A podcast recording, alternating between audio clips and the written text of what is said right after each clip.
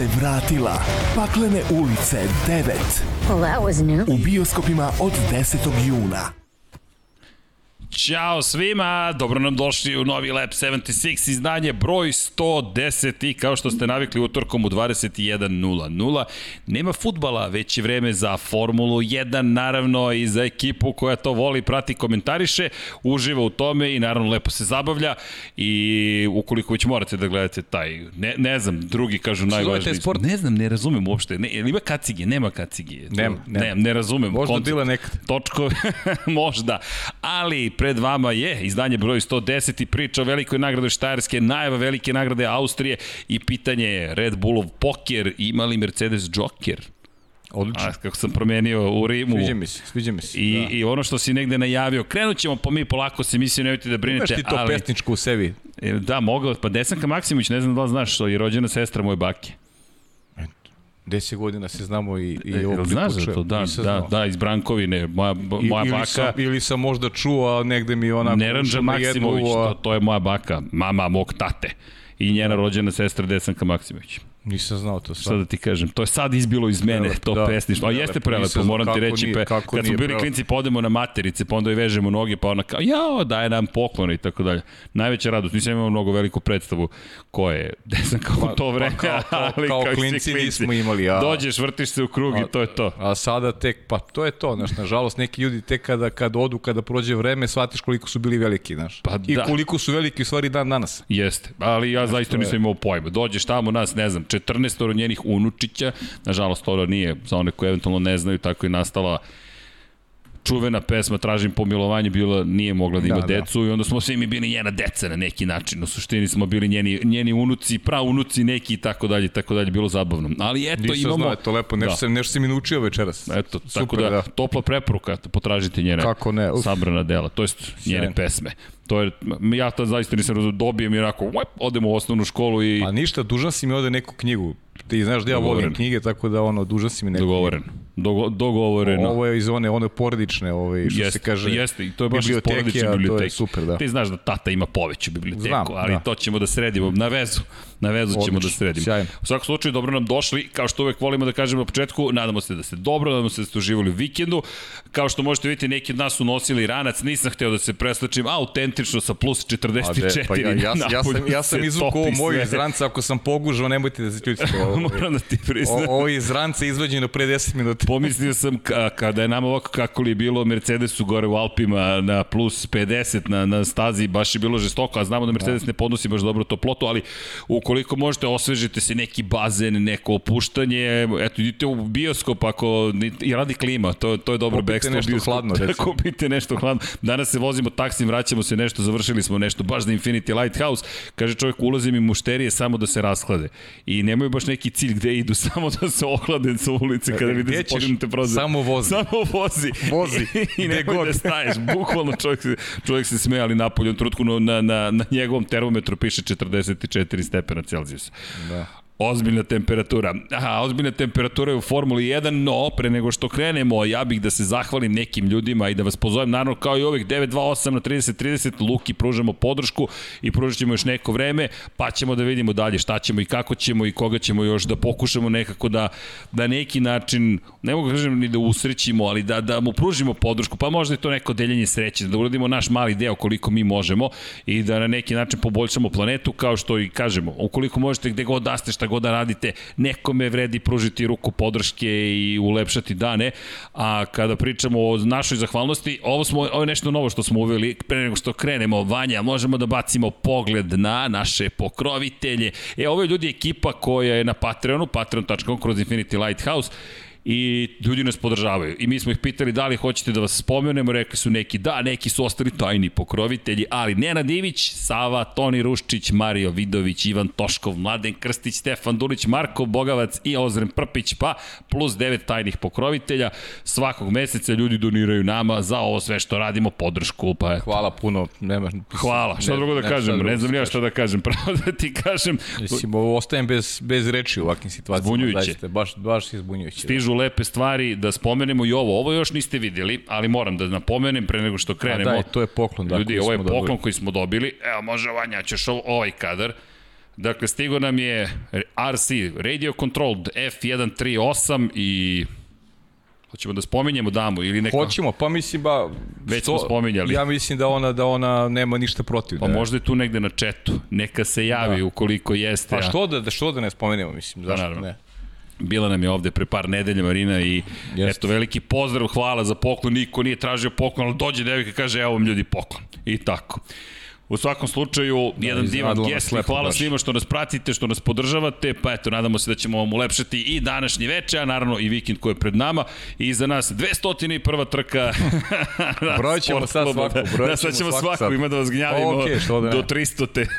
e pa Da. brzo će to, 50-a koliko ih imamo Ali si mi obično nešto da ćeš da izračunaš koliko si radio MotoGP-a. E, Da, izračunat ću. Ok, Da, izračunat zašto ću. da ne? Mislim, to, to su lepe brojke i to Yes. je nešto što je stvarno onako za ponos i, i, i, i negde i tvoj i moj i Džankićeva i ponos naravno kuće za koju radimo sport kluba, tako da Jeste. što, što time da se negde i ne pohvalimo i ne dičimo kad, kad mislim da jeste za diku zaista. Tako da, Jeste, jeste zaista za ponos i ova 201. Pa morate reći 200 to je baš bilo uzbudljiva. 201. samo po sebi možda nije donala toliko uzbuđenja, nije da nije, Nije bilo u, toj, nije u toj meri, ali je Ali- sad je svaka sad je svaka dramatična jer dobija, dobili smo nešto novo u Formuli 1 i već to već to čini sezonu interesantno. Jeste, i ono što I, smo i videli... počeli smo sad dobijamo ovaj da da kritike po znacima navoda sad sam već postao navijač ovaj ja sam recimo lično postao navijač Maxa Verstappen makar makar po po pisanju po pisanju ljudi ali znaš sad ti nekom da objašnjavaš da nisi to je sad onako duga duga ovaj tema znaš Vidi, ja sam, ja sam postao navijač New York Jetsa u NFL-u, jer Da. sam toliko prošle godine birao puta Jetsi da će pobediti, dok nisam odustao, a oni tada pobedili kad sam ja odustao, da sam na kraju rekao, ok, ja navijam sada za Jetsi, tako je to zvanično format, Znaš kako, ja, ja, 1 ja, to nemamo. Ja imam jedan, ja imam jedan ov- ov- ovaj moment u kome uh, uh, ne mislim da je sakriti uh, navijačku pripadnost loše u poslu. Naprotiv, mislim da si više možda budeš i kritičniji i da budeš, da budeš objektivni, jako si navijač. Ja jesam navijač, ali nisam navijač ni za koga Formule 1. Ja navijam za Partizan, navijam za, navijao sam za Ayrtona Senu. Dakle, ali to me ne sprečava da budem, da budem objektivan u priči. Zaista. Ja, ja, ja tako sebe makar doživljavam. A u Formuli 1 trenutno, veliki sam navijač zanimljivih trka, uzbudljivih dešavanja i veliki sam navijač toga da Max i Luis u posljednjoj trci reši titulu prvaka, titulu prvaka i, i potpuno će biti svejedno ko će biti šampion. Samo ću ti citirati chat trenutno. Jesi, da. jesi. Svi Kaže mi jesi, jesi, da. Neka si Paju, nisi jedin. Dobio Da. si i lava. Pola četa su postali navijači Maxa ove godine. Svako ko je prijatelj sporta navija za Maxa. A, eto, Evo, pa, Pajo. Grobare i tako dalje. Da. E, I tako dalje. E, inače, pozdrav. Hvala. Omki Bist. Donirao nam je upravo 50 hrvatskih kuna. Hvala. Pozdrav ljudi, ne znam da nije tema, ali možete nekad, ako ne večeras, malo porazgovarati o mogućnosti ulaska novog ili novih proizvođača guma. Hvala lepo. Omki Bist, hvala najlepše. Hoćemo, porazgovarat ćemo i večeras i kasnije ćemo takođe da porazgovaramo i o tome, pa i jedna od tema večeras će biti između ostalog i nove gume koje priprema Pirelli kako bi to moglo da utiče na šampionat, ali imamo mnogo toga. Za početak naša tema, poker. Četvrta pobeda za redom, bukvalno je poker trenutno u pitanju i pitanje ima li Mercedes Jokera, pa je to je nešto što si ti najavio kada smo pisali naslove o dominaciji kada si rekao zapravo da li uzvraća udarac Mercedes i kada si rekao ne ne polako iznenađenje će biti ukoliko zapravo ne bude ovako kako je sada. I da. baš si pogodio, ja ću samo za one koji ne znaju, nemojte ukoliko ste mlađi od 18 da prilazite kladionicama, ali oni koji možda ne znaju, postoje ti čuveni poker aparati, najveće, tamo najveći niz koji može dobiješ, makar je to bio, bilo kad sam ja bio klinac, jeste pet istih. I sad je to pitanje kada budemo najavljivati Austriju, da li može pet istih Red Bull da ima i da učini ovu sezonu potpuno Znaš drugačijom. kako, Mercedes ima Jokera. A, jel mislimo na isto? Pa na isto, pa nema, nema ko Nema drugi. ko drugi, čovjek koji Postoji ima samo, sedam samo istih. jedan Joker postoji u Mercedesu. Jeste. Lewis Hamilton. I ja mislim da je on jedini da je on jedini trenutno koji je na, na nivou onoga što Mercedes traži. Da to nisu ni Toto Wolff, da to nije ekipa, da to nije Valtteri Bottas, on je jedini koji je na nivou onoga što ekipa traži. On je jedini koji radi ono što, što objektivno može. E sad, druga je stvar što, što nam se, meni se lično dopada ona izjava posle, e, posle ove trke kada je rekao šta ja treba da uradim. E, oni su brži na pravcima, e, Red Bull je ovakav, odakle oni nalaze e, tu snagu agregatu, kako su napredovali. Znaš, ti sa tim izjavama unižavaš i ono što si ti radio prethodnih godina. Stavljaš do znanja kako je ipak automobil taj, a ne vozač. Znaš, to, to su, ti si taj koji treba da napravi sada jedan iskorak i da pokažeš da si ti taj, da ti treba da uradiš ono što se, e, što se od tebe očekuje, da pokažeš da si dalje šampion. Ako te neko pobeđuje na stazi, ne mora da bude odmah izgovor, ja, ja sam uradio sve što treba. E, znaš, gde, gde je Red Bull našao snagu? Pa prosto Red Bull je 7 godina dominira Mercedes, pa u sportu se stvari menjaju, u životu se menjaju, nije, nije ni zdravo, nije ni normalno da neko bude e, dominantan toliki niz godina. E, ajde sada da vidimo kakav je odgovor. A ja mislim da on ima odgovor. Ja mislim takođe ja da ima mislim odgovor. da on ima odgovor, da, da je on neko ko će se iz petnih žila tvrditi, e, truditi do kraja godine da, da, da tu titulu sačuva. I ovo ne da nije rešeno. Ja mislim da će, da će, da će Maxi na ovoj trci imati prednost u, u Austriji. Da, da će Maxi tu imati prednost. Ali šta će biti posle Austrije? Ostaje nam da vidimo i super što je sport takav što nam nudi neizvesnost. Ja verujem zaista čvrsto u to da ćemo do kraja gledati borbu Maxa i Luisa za šampionsku titulu do posljednje trke, to je neki moj utisak i da će se stvari malo okrenuti, jer, jer ne vidim kao što drugi vide da, da Red Bull dominira. Meni ovo ne izgleda, meni ovo nije dominacija. Prosto su okolnosti bile takve u posljednje vreme da, da je Red Bull bio bolji od Mercedesa. Mogao je Mercedes možda nešto više da izvuče iz prethodnih trka. Pazi, ovde nema priče o dominaciji. Ako pogledamo prve četiri trke, tri pobede za Luisa Hamiltona i jedna pobeda za Maxa Verstappena. U nastavku sezone, tri pobede za Maxa Verstappena, niti jedna za Luisa Hamiltona, jedna pobeda za Serhija Pereza i oni su konstantno tu. Dakle, od kada je krenula bitka, Od kada je kod Bahreina krenulo sve, prvo su bili na 7 pojena razlike, pa na poen razlike, pa na 8 pojena razlike, pa 15 pojena razlike.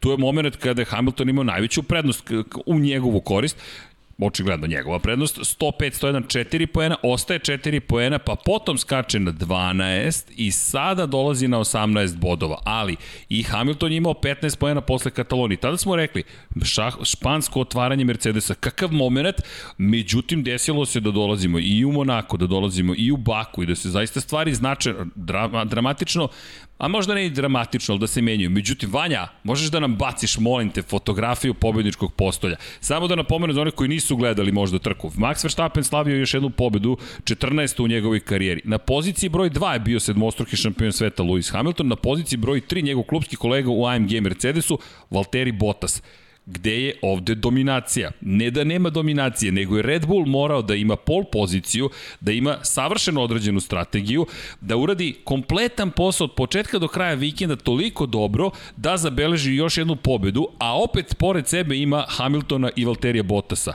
Pa to, to je ono što smo pričali, sad Pa imaš, imaš, imaš Maxa koji je, koji je vrhunski vozač i on koristi te pogodnosti, on može da dođe do pol pozicije pobedi u trci.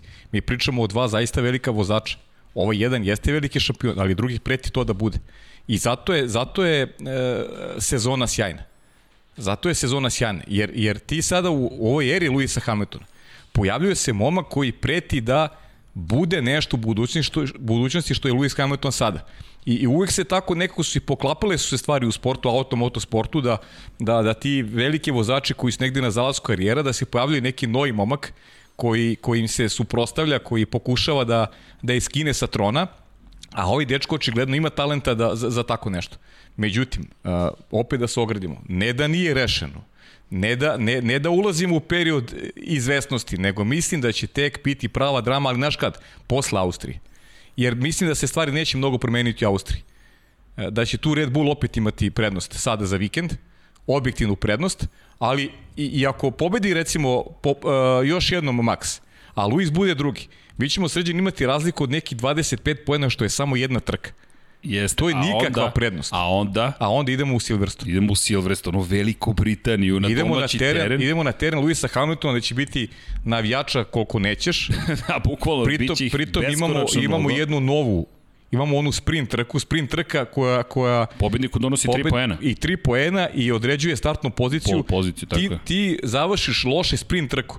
Tebe nema ni u poenima u sprint trci, a nema ti ni u poen, ni poenima manje više. Ili te nema na pobedničkom postolju. Pa nemate na pobjedičkom postolju, u, tač, u stvari nemate na pobjedičkom postolju. A to je već ozbiljan zaostatak u, u odnosu na onog s kim se boriš za titulu. Tako da, Tek smo krenuli. Tek smo počeli, Tek smo bukvalno krenuli. tek smo počeli. Međutim, ono što je fascinantno bilo, tokom same trke, tokom prenosa smo o tome, makar sam ja pokušao da, da, da, da, da, da se dotaknem te teme, ali mi je bilo fascinantno zapravo jedna greška, ajmo da krenemo odatle, jedna greška Red Bulla celog vikenda i nema prve i treće pozicije za Red Bull. Jeste. Jedno ostajanje relativno Pa nije, dve sporo. greške.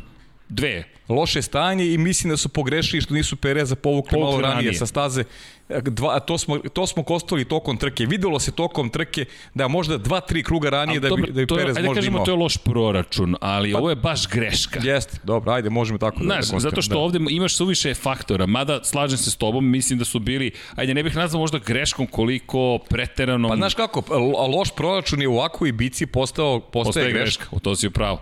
Ali jedno loše stajanje i jedan moment suzdržanosti ili konzervativnosti vrlo skupo. Prošli put u Francuskoj bili su hrabri, nagrađeni su za to. Sada, ali dominacija Maxa Verstappena, fascinantno je bilo kako je vozio od početka do kraja. Malo mu je nedostalo za čuveni Grand Slam. Pol pozicija, vođstvo od početka do kraja 71 ceo krug i na kraju samo taj najbrži krug je nedostajao da, da dođe do triumfa i naravno pobjeda kao četvrta stavka, ali najbrži krug na kraju pri Paulu Luisu Hamiltonu veliki važan poen i opet, ali sad, sad već postoji, neću da kažem predvidi stvari, nego kako, kako moram ti reći da sam bio baš srećan kako smo pročitali šta će da urade zapravo i da odlazak Serhija Pereza omogućava zapravo Luisu Hamiltonu da napadne u post, pretposlednjem krugu za najbrži krug i sjajno odvezu. Pa i rekli smo tokom trke da će Sergio da ide na dva stajanja. Da, ne, to si, to si ti, ja sam, ja sam bio skeptičan, mislio sam da će tu da ostane, ali ne, bra, baš si ga pogodio. A znaš šta je, dolazimo još do jednog momenta sređen, jako bitno, pred taj drugi deo sezone. Vidjet ćemo mi tek pred kraj sezone e, pouzdanost. Ko je tu bolji, Red Bull ili Mercedes? I Jer sad to su vrlo važne komponente sada. otvaraš zanimljivu temu. Pa da. Zanimljiva tema koja se zove koliko je bitka neizvesna politički rat koji je uveliko počeo, koji se odnosi, koji se vodi na nekoliko mesta, iako se go, radi praktično, hajde ovako, imamo više frontova u okviru te bitke. Imamo front koji se zove stajanje i zamena guma, pit stopovi. Drugi front su pneumatici i treći front jeste zapravo imamo četiri fronta. Tehnička direktiva po pitanju fleksibilnih krila i tehnička direktiva, to jest spekulacije Mercedesa i pitanje konstantno koli, zašto je Honda toliko bolja i brža nego što je bila. Da krenemo redom, da krenemo od pit stopa. Pit stop, Red Bull je kralj pit stopa. Apsolutni kralj pit stopa već godinama. Je, mi, sekund 82, htio da kažem minut, sekund i 82.000 tike za promjenu sva Pa Evo i četiri sad u pneumatika. nedelju, koliko je, dve sekunde je trebao pit stop Max Verstappen. Evo, hvala Vanja, bravo Vanja, Momčilo Vukić i Vanja uvek spremni. Naravno, najbrži pit stopovi u 2021. godini. Imate jednom pravom da pođete koja ekipa je pobedila u prvih šest trka. Dakle, Red Bull i Verstappen, Bahrein, sekund i 93.000 tinke. Red Bull, Verstappen u Baku, sekund 98.000 tinki. Red Bull, Verstappen, Portimao, sekund 98.000 tinki. Red Bull, Perez, Bahrein 2.00. Red Bull, Verstappen, Monaco. Red Bull, Perez, Francuska 2.04.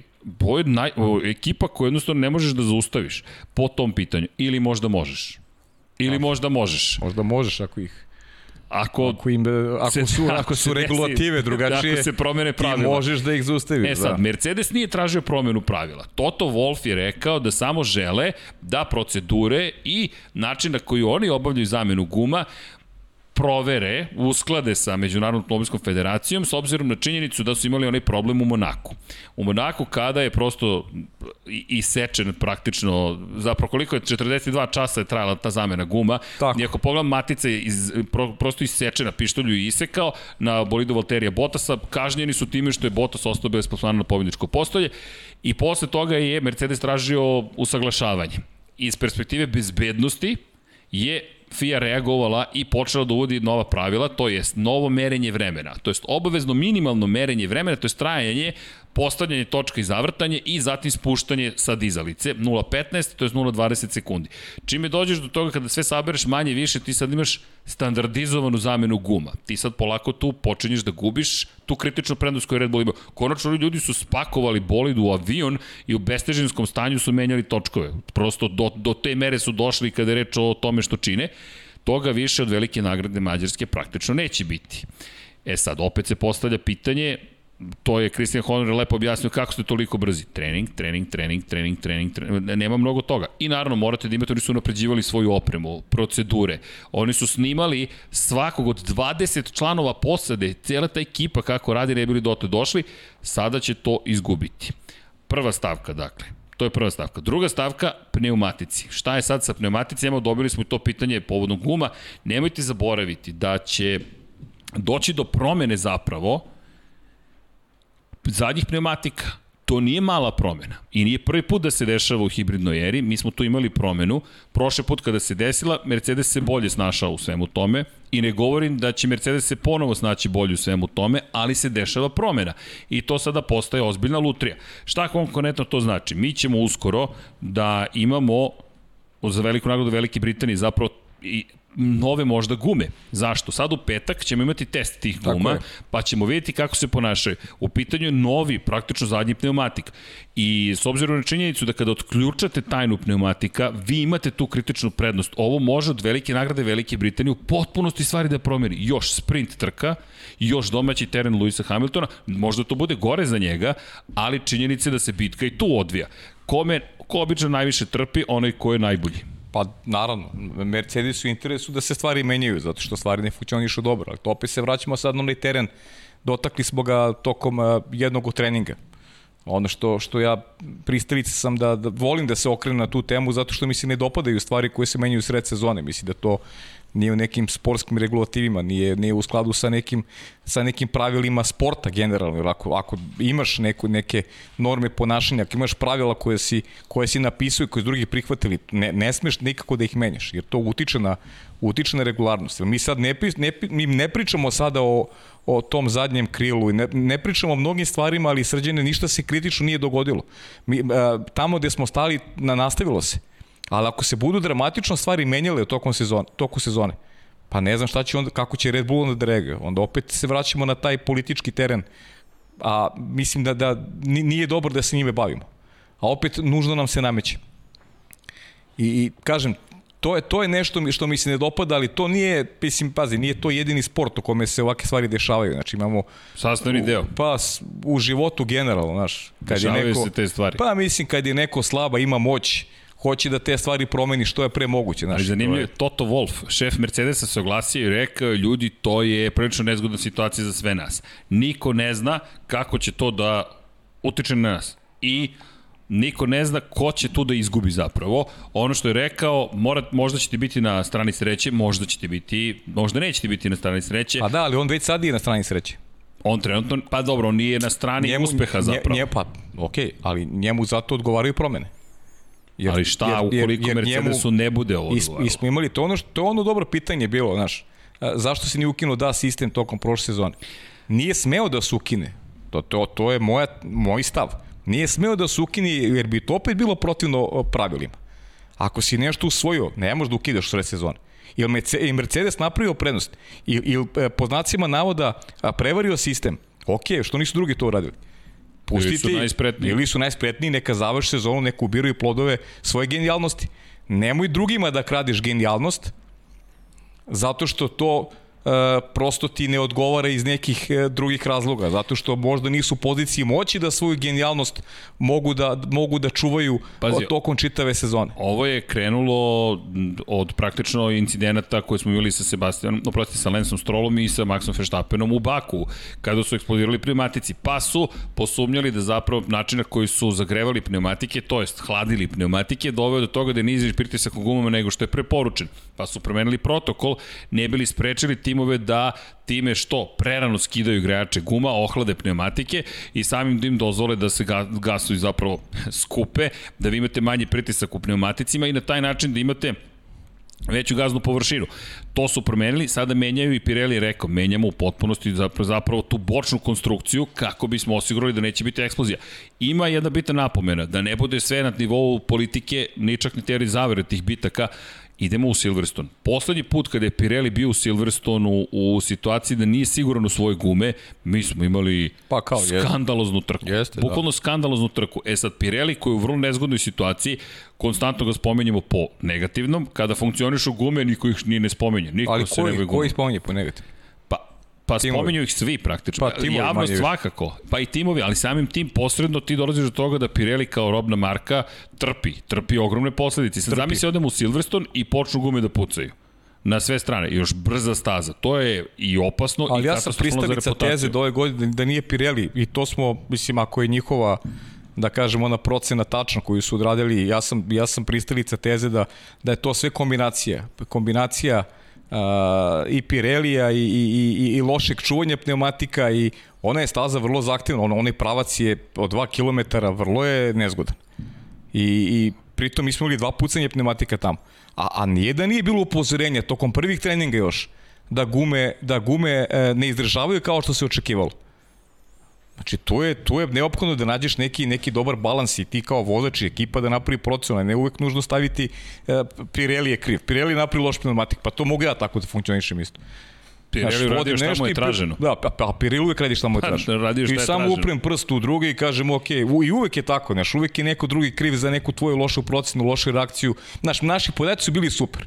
Pirelli je kriv, pa mislim, to je malo priča za, za Pa malu ali decu. mi svi će pokušati da sistem rastegnu do granica prihvatljivog. Jednostavno, da li je da u pitanju gume, krila, motor, gorivo, podmazi- maziva, Tako šta je, god, ulja, sve će da se će To da- jeste da priroda prednost. Formule 1, A to je priroda čoveka. jeste. Hoću da budem brži, bolji i uspešniji nego što sam bio. A naredne godine dolaze gume od 18 inča, pa oni imaju sada pride obavezu da pojačaju te pneumatike i pride sada imamo situaciju da će naredne godine uvesti pritis, merač pritiska u gumama, međutim to ne mogu da postignu konstrukcijski, ne mogu to da završe do tokom ove sezone, tako da na drugi način će to rešavati. U svakom slučaju to je drugi deo intrige koji imamo. Da. Onda imamo fleksibilna krila, Lewis Hamilton se ponovo oglasio po pitanju fleksibilnih krila, ono što je meni iznenađujuće i sada posle velike nagrade Austrije, očekuje se još jedna tehnička direktiva po pitanju fleksibilnosti krila. Hamilton je rekao da prosto veruje da je Red Bull, kako mi je objašnjeno, mnogo dugo u procesu razvoja tih krila i da samim tim su imali da imaju tehničku prednost u odnosu na Mercedes. Mercedes kasni po tom pitanju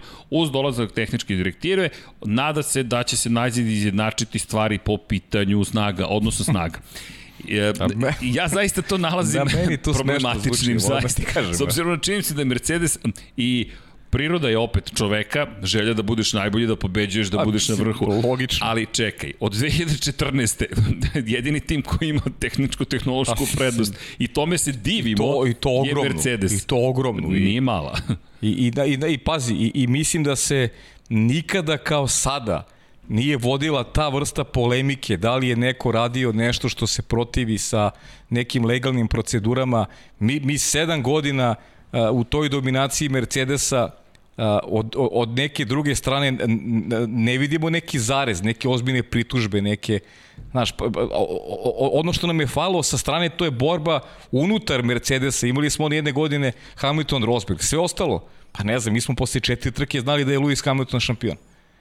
Pa sada treba da težimo ponovo tome, da, da znamo posle četiri trke da je neko opet šampion, ne znam, da li je to Lewis Hamilton, da li je Max Verstappen, da li ne, ne znam sad, nikad izjednačeniji šampionat, a, a, a, a pričamo o, o politici.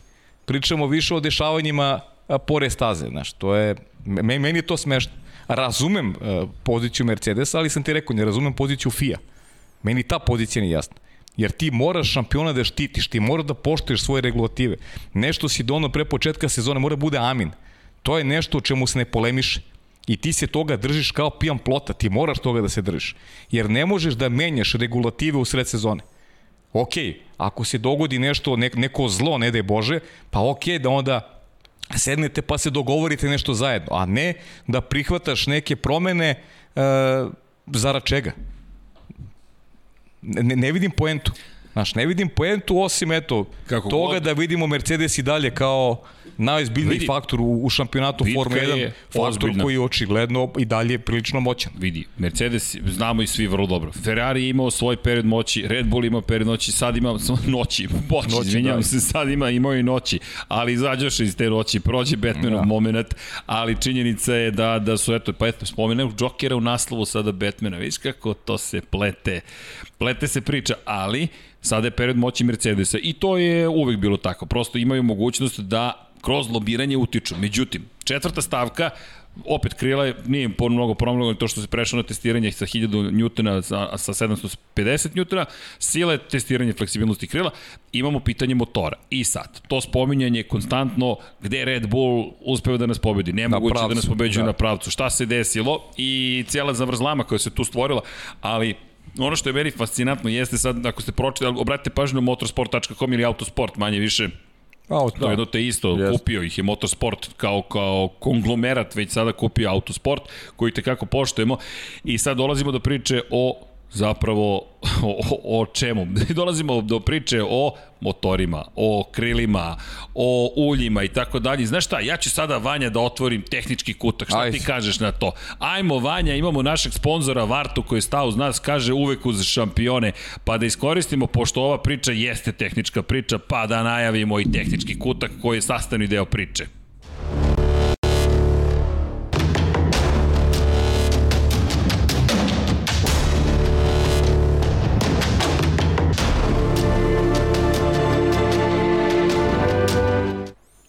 Šta kaže Varta Power Sports i to smo rekli. Uskoro nam se završava ovo sponzorstvo, ali ja moram da po pohvalim Vartu. Kaže, nemoj da se zahvaljuješ sponzorima. Ok, neću da se zahvaljujem sponzor, nisam rekao hvala, ali čekaj, ti si dobio akumulator, gde je moj akumulator? Čekaj da se nakači.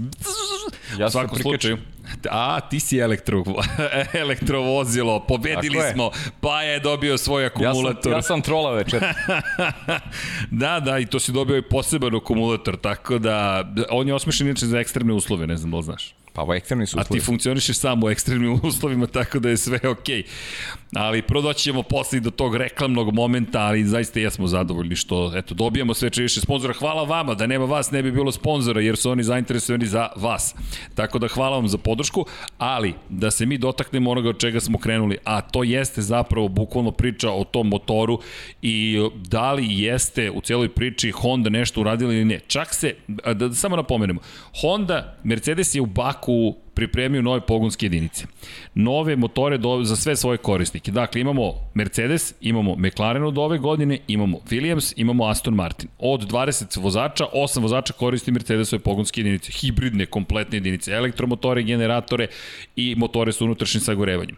Rekli su da rade na unapređenju pouzdanosti. Honda je sačekala jednu trku. I negde smo spekulisali da bi, veliku nagradu Francuske, da bi to čekanje moglo i tekako da pomogne u celoj priči Hondi, to je s njenim korisnicima, a tu imamo četiri vozača, imamo oba vozača Red Bulla i oba vozača Alfa Taurija. Dakle, 4-12 vozača je duel između ta dva proizvođača. I sad, videli smo u Francuskoj zaista da je Red Bull imao nešto što se u eri Mercedesa redko dešavalo. To jeste prednost na pravcima. To jest na pravcima nije Mercedes bio taj koji je bio dominantan. Poslednji put kada smo to imali bilo je 2019. delimično 18. kada je Ferrari jedan da. imao tu raketnu brzinu. Posle se spekulisalo da to baš i nije bilo legalnim putem da ostvareno. Ne možemo to da tvrdimo, ali znamo da je postignut tajni dogovor između Ferrari i Međunarodne automobilske federacije FIA na kraju 2019. Pred početak testiranja 2020. izašlo je saopštenje, postignut je dogovor, Ferrari je prihvatio svoju kaznu, a iako nisu uhvaćeni u bilo čemu što možemo da dokažemo, ipak se je dogovor postignut. I videli smo katastrofalne korisnike Ferrari u 2020. godini u tolikoj meri da je zapravo izgledalo kao da postoji neki ozbiljan problem sa Ferrari. E sad, dolazimo do sledećeg, a to je da u 2021. Honda odjednom počinje da napreduje i počinje sve više da se priča o tome šta je Honda učinila. Ali kad Honda počne da napreduje? Po Francuskoj... Zar nije počeo Honda da napreduje iz kraja 2020. godine? Pa jeste. Zar nije bilo evidentno da napreduje od kraja 2020. Zar nismo pričali da će 2021. godina Jesmo. biti kudi kamo interesantnija na relaciji Mercedes-Red Bull? Zar nije Max Verstappen i završio sezonu sa, sa pobedom? Jeste. I to upečatljivom pobedom u Abu Dhabiju. Upečatljivom pobedom u Abu Dhabiju. od pobeda koje se, koje možemo reći da se pamte. Zar nije sve što se dešavalo u drugoj polovini 2020 bilo nagovešte da će ova godina biti kudi kamo interesantnije? Jeste. I opet, smo sad, i opet se sada svodimo na teren toga da e, kada Mercedes nije dominantan, mi imamo da, imamo da imamo smo priče sve svalili na Mercedes. Pa ne, ne, ne, ne, pa ne, ne, ne, ne ispada tako, nego nego nego nego prosto se pro, prosto se to tako dešava. Jer čim nema, uh, oni dominiraju 7 godina. Ljudi, u sportu ne, ne može da traje ništa večno. I drugi rade. Genijalni umovi sede u tom Red Bullu. Genijalni, I dugo su, dugo su u zapećku odnosu na Mercedes. I na, na, na šta ne želim samo? Ne želim da... A, ja sam ubeđen da će ova, ova bitka traje do samog kraja. I, I polako ulazimo u teren toga da, da, da više pažnje posvećujemo a, da li Red Bull uradio sve u skladu sa regulativima ili, ili, je ovo, ili imamo s druge strane bitku koja je, koja je fantastična. Ja bih više akcija stavio na tu bitku koja je fantastična i mislim da će biti, jer ja ne vidim veliku prenos Red Bull odnosno na Mercedes. Ja je uopšte ne vidim. Ovo je sad se dogodilo da je Red Bull pobedio na stazi koja je, koja a priori bila ranije godine Mercedesa. Ljudi, pa to, to se, to, to se, e, e, mislim na Francusku. Ne na Austriju, nego na Francusku. Ovde je meni potpuno očekivano da Red Bull ima prednost na ovoj stazi. Pa dobro, nije prvi put. Uopšte nije prvi put. Francuska je bila nešto što, što, nije, što nije tipično za neke godine koje su iza nas. Ali ja ne vidim zaista neku veliku prednost ko, ko, kojom Red Bull manipuliše po znacima navoda u odnosu na, na, na Mercedes. Ja vidim e, tu različitost tu, kada govorimo o taktičkom pristupu. Vidim, vidim dva genijalna vozača koji su e, na nekim minimalnim razlikama. Vidim, zaista vidim jednu fantastičnu sezonu. A, a stavljamo akcenat na nešto što čini mi se da uopšte nema, nema, a, nema nikakvo, nikakvo objektivno nasledđe. Mislim da je, da, da je, da je potpuno onako iluzorno uh, polemisati uh, o tome. Znaš, Mercedes Ali ima, to je politički Mercedes moment može o kojem da radi, pričamo. Mercedes, Mercedes može da radi šta god hoće. Oni mogu da traže krivcu kome god hoće. Ali, Ali njihovi potezi, njihovi potezi, ono što je Toto Wolff po počet godine, i to stalno pričamo, nije dobro. Ali, ali vidi, ja mislim da je ovo samo, pre, opet, pričali smo o pritisku, trenutno pod ogromnim pritiskom je Mercedes i mislim da više ne pucaju, mislim da je pucanje doseglo vrhunac negde u Baku I zašto? U tom momentu Valtteri Bottas koji ni kriv ni dužan zapravo je optužen za grešku u Monaku. Vraćamo yes. se na genezu problema koji su negde kulminirali, rekao bih u Baku. Posle te trke u Baku mislim da su se da su se regrupisali bez obzira što su pretrpeli poraz u Francuskoj, ali izjave Tota Wolfa više nisu Valtteri je kriv za nešto što je nonsens, ne može da bude čovjek kriv zato što je neko izrezao njegovu maticu na njegovom prednjem desnom točku, ali kao nije stao idealno u Monaku stati idealno je tek priča za sebe. Srki, za mene i dalje. Milimetar. Lewis Hamilton i dalje favorit za osvajanje šampionski titul. Pa to mora biti. Iz, iz mog ugla. Pa, sedam titula šampiona Pri, sveta. Tek ćemo videti ko je pouzdaniji, Red Bull i Mercedes. E, ljudi, tek je osam trka iza nas. Ali pazi sad ovo. Wolf u tom momentu optužuje Bottasa i kao da zaboravlja koliko je Bottas zapravo važan. Mislim da su se opustili, da su zaboravili da igra nije dobijena. Koje? U tom momentu oni imaju lepu prednost, to je deluju upečatljivo. Monako izuzetak pa izuzetak. Tu je čak i Ferrari bio spektakularno brzo. Ne samo to, tu je Max pokazao, ispo rekli da je to trka možda malo pregrubo zvučalo, ali biti ili ne biti, da tu Red Bull mora pobediti. Tako je. I od I šta, tog momenta... I šta uradio Max? Pa evo, pa pobedio. Od, od, tog momenta kreće uspon i to ozbiljan uspon. Jeste. Onda dolazi Baku, tu i Hamilton i Verstappen ostaje bez bodova. Hamilton pravi grešku, Verstappen ostaje bez pneumatika. Pa, pa zamisli, zamisli da je Hamilton tu trku samo... Da je pobedio. Od, od, pa ne, da je bio, da je bio drugi. drugi. Eto, drugi. Da je to je 20 drugi. dodatnih poena. On i dalje vodi u šampionatu sveta. I dalje vodi I, dan, da, I sad u ovom trenutku on je na prvoj poziciji. Vodi. Koliko svaka greška je skupocena. Ali, znaš na šta me vraća? Baku, par stvari se tu dešava mi dobijamo situaciju u kojoj Mercedes ima nove motore. Performanse očekivane, ne možemo reći da su nešto mnogo bolje, očekivane. Red Bull već tada odustaje od tih fleksibilnih krila, vidjet ćemo da li će odustati od nekih novih. Umeđu vremenu optužbe padaju na račun Valterija Bottasa. Ti imaš jedno jedno odsustvo jedinstva u Mercedesu, s druge strane Hamilton pravi atipičnu grešku za njegovu a šta, eru. A šta još imaš u Baku? Imaš spektakularnog Serhija Pereza. Tako je. Koji čuva iza sebe Luisa Hamiltona celu trku spektakl od vožnje. Tu, tu da je Alex Albon u ekipi, pa možda Luis pobeđuje tu trku do kraja. Na onom pravcu od 2 km, od onom pravcu 2 km, on ima tu on ima, ima tu prednost u odnosu na Maxa Verstappen. Ali nema tamo gore u sektoru broj 2. Nema, nema u sektoru broj 2. Ali pitanje je šta je bilo. Pitanje. Sergio je sprečio taj duel. Jeste Sergio koji, vozio, koji vozio je spektakularan bio u drugim bolidima tu. I pazi sad, mi dolazimo, završava se Baku, idemo u Francusku, gde svi manje više upisujemo Mercedesu pol poziciju, pobedu, treće mesto za Bottasa, drugo za Verstappena.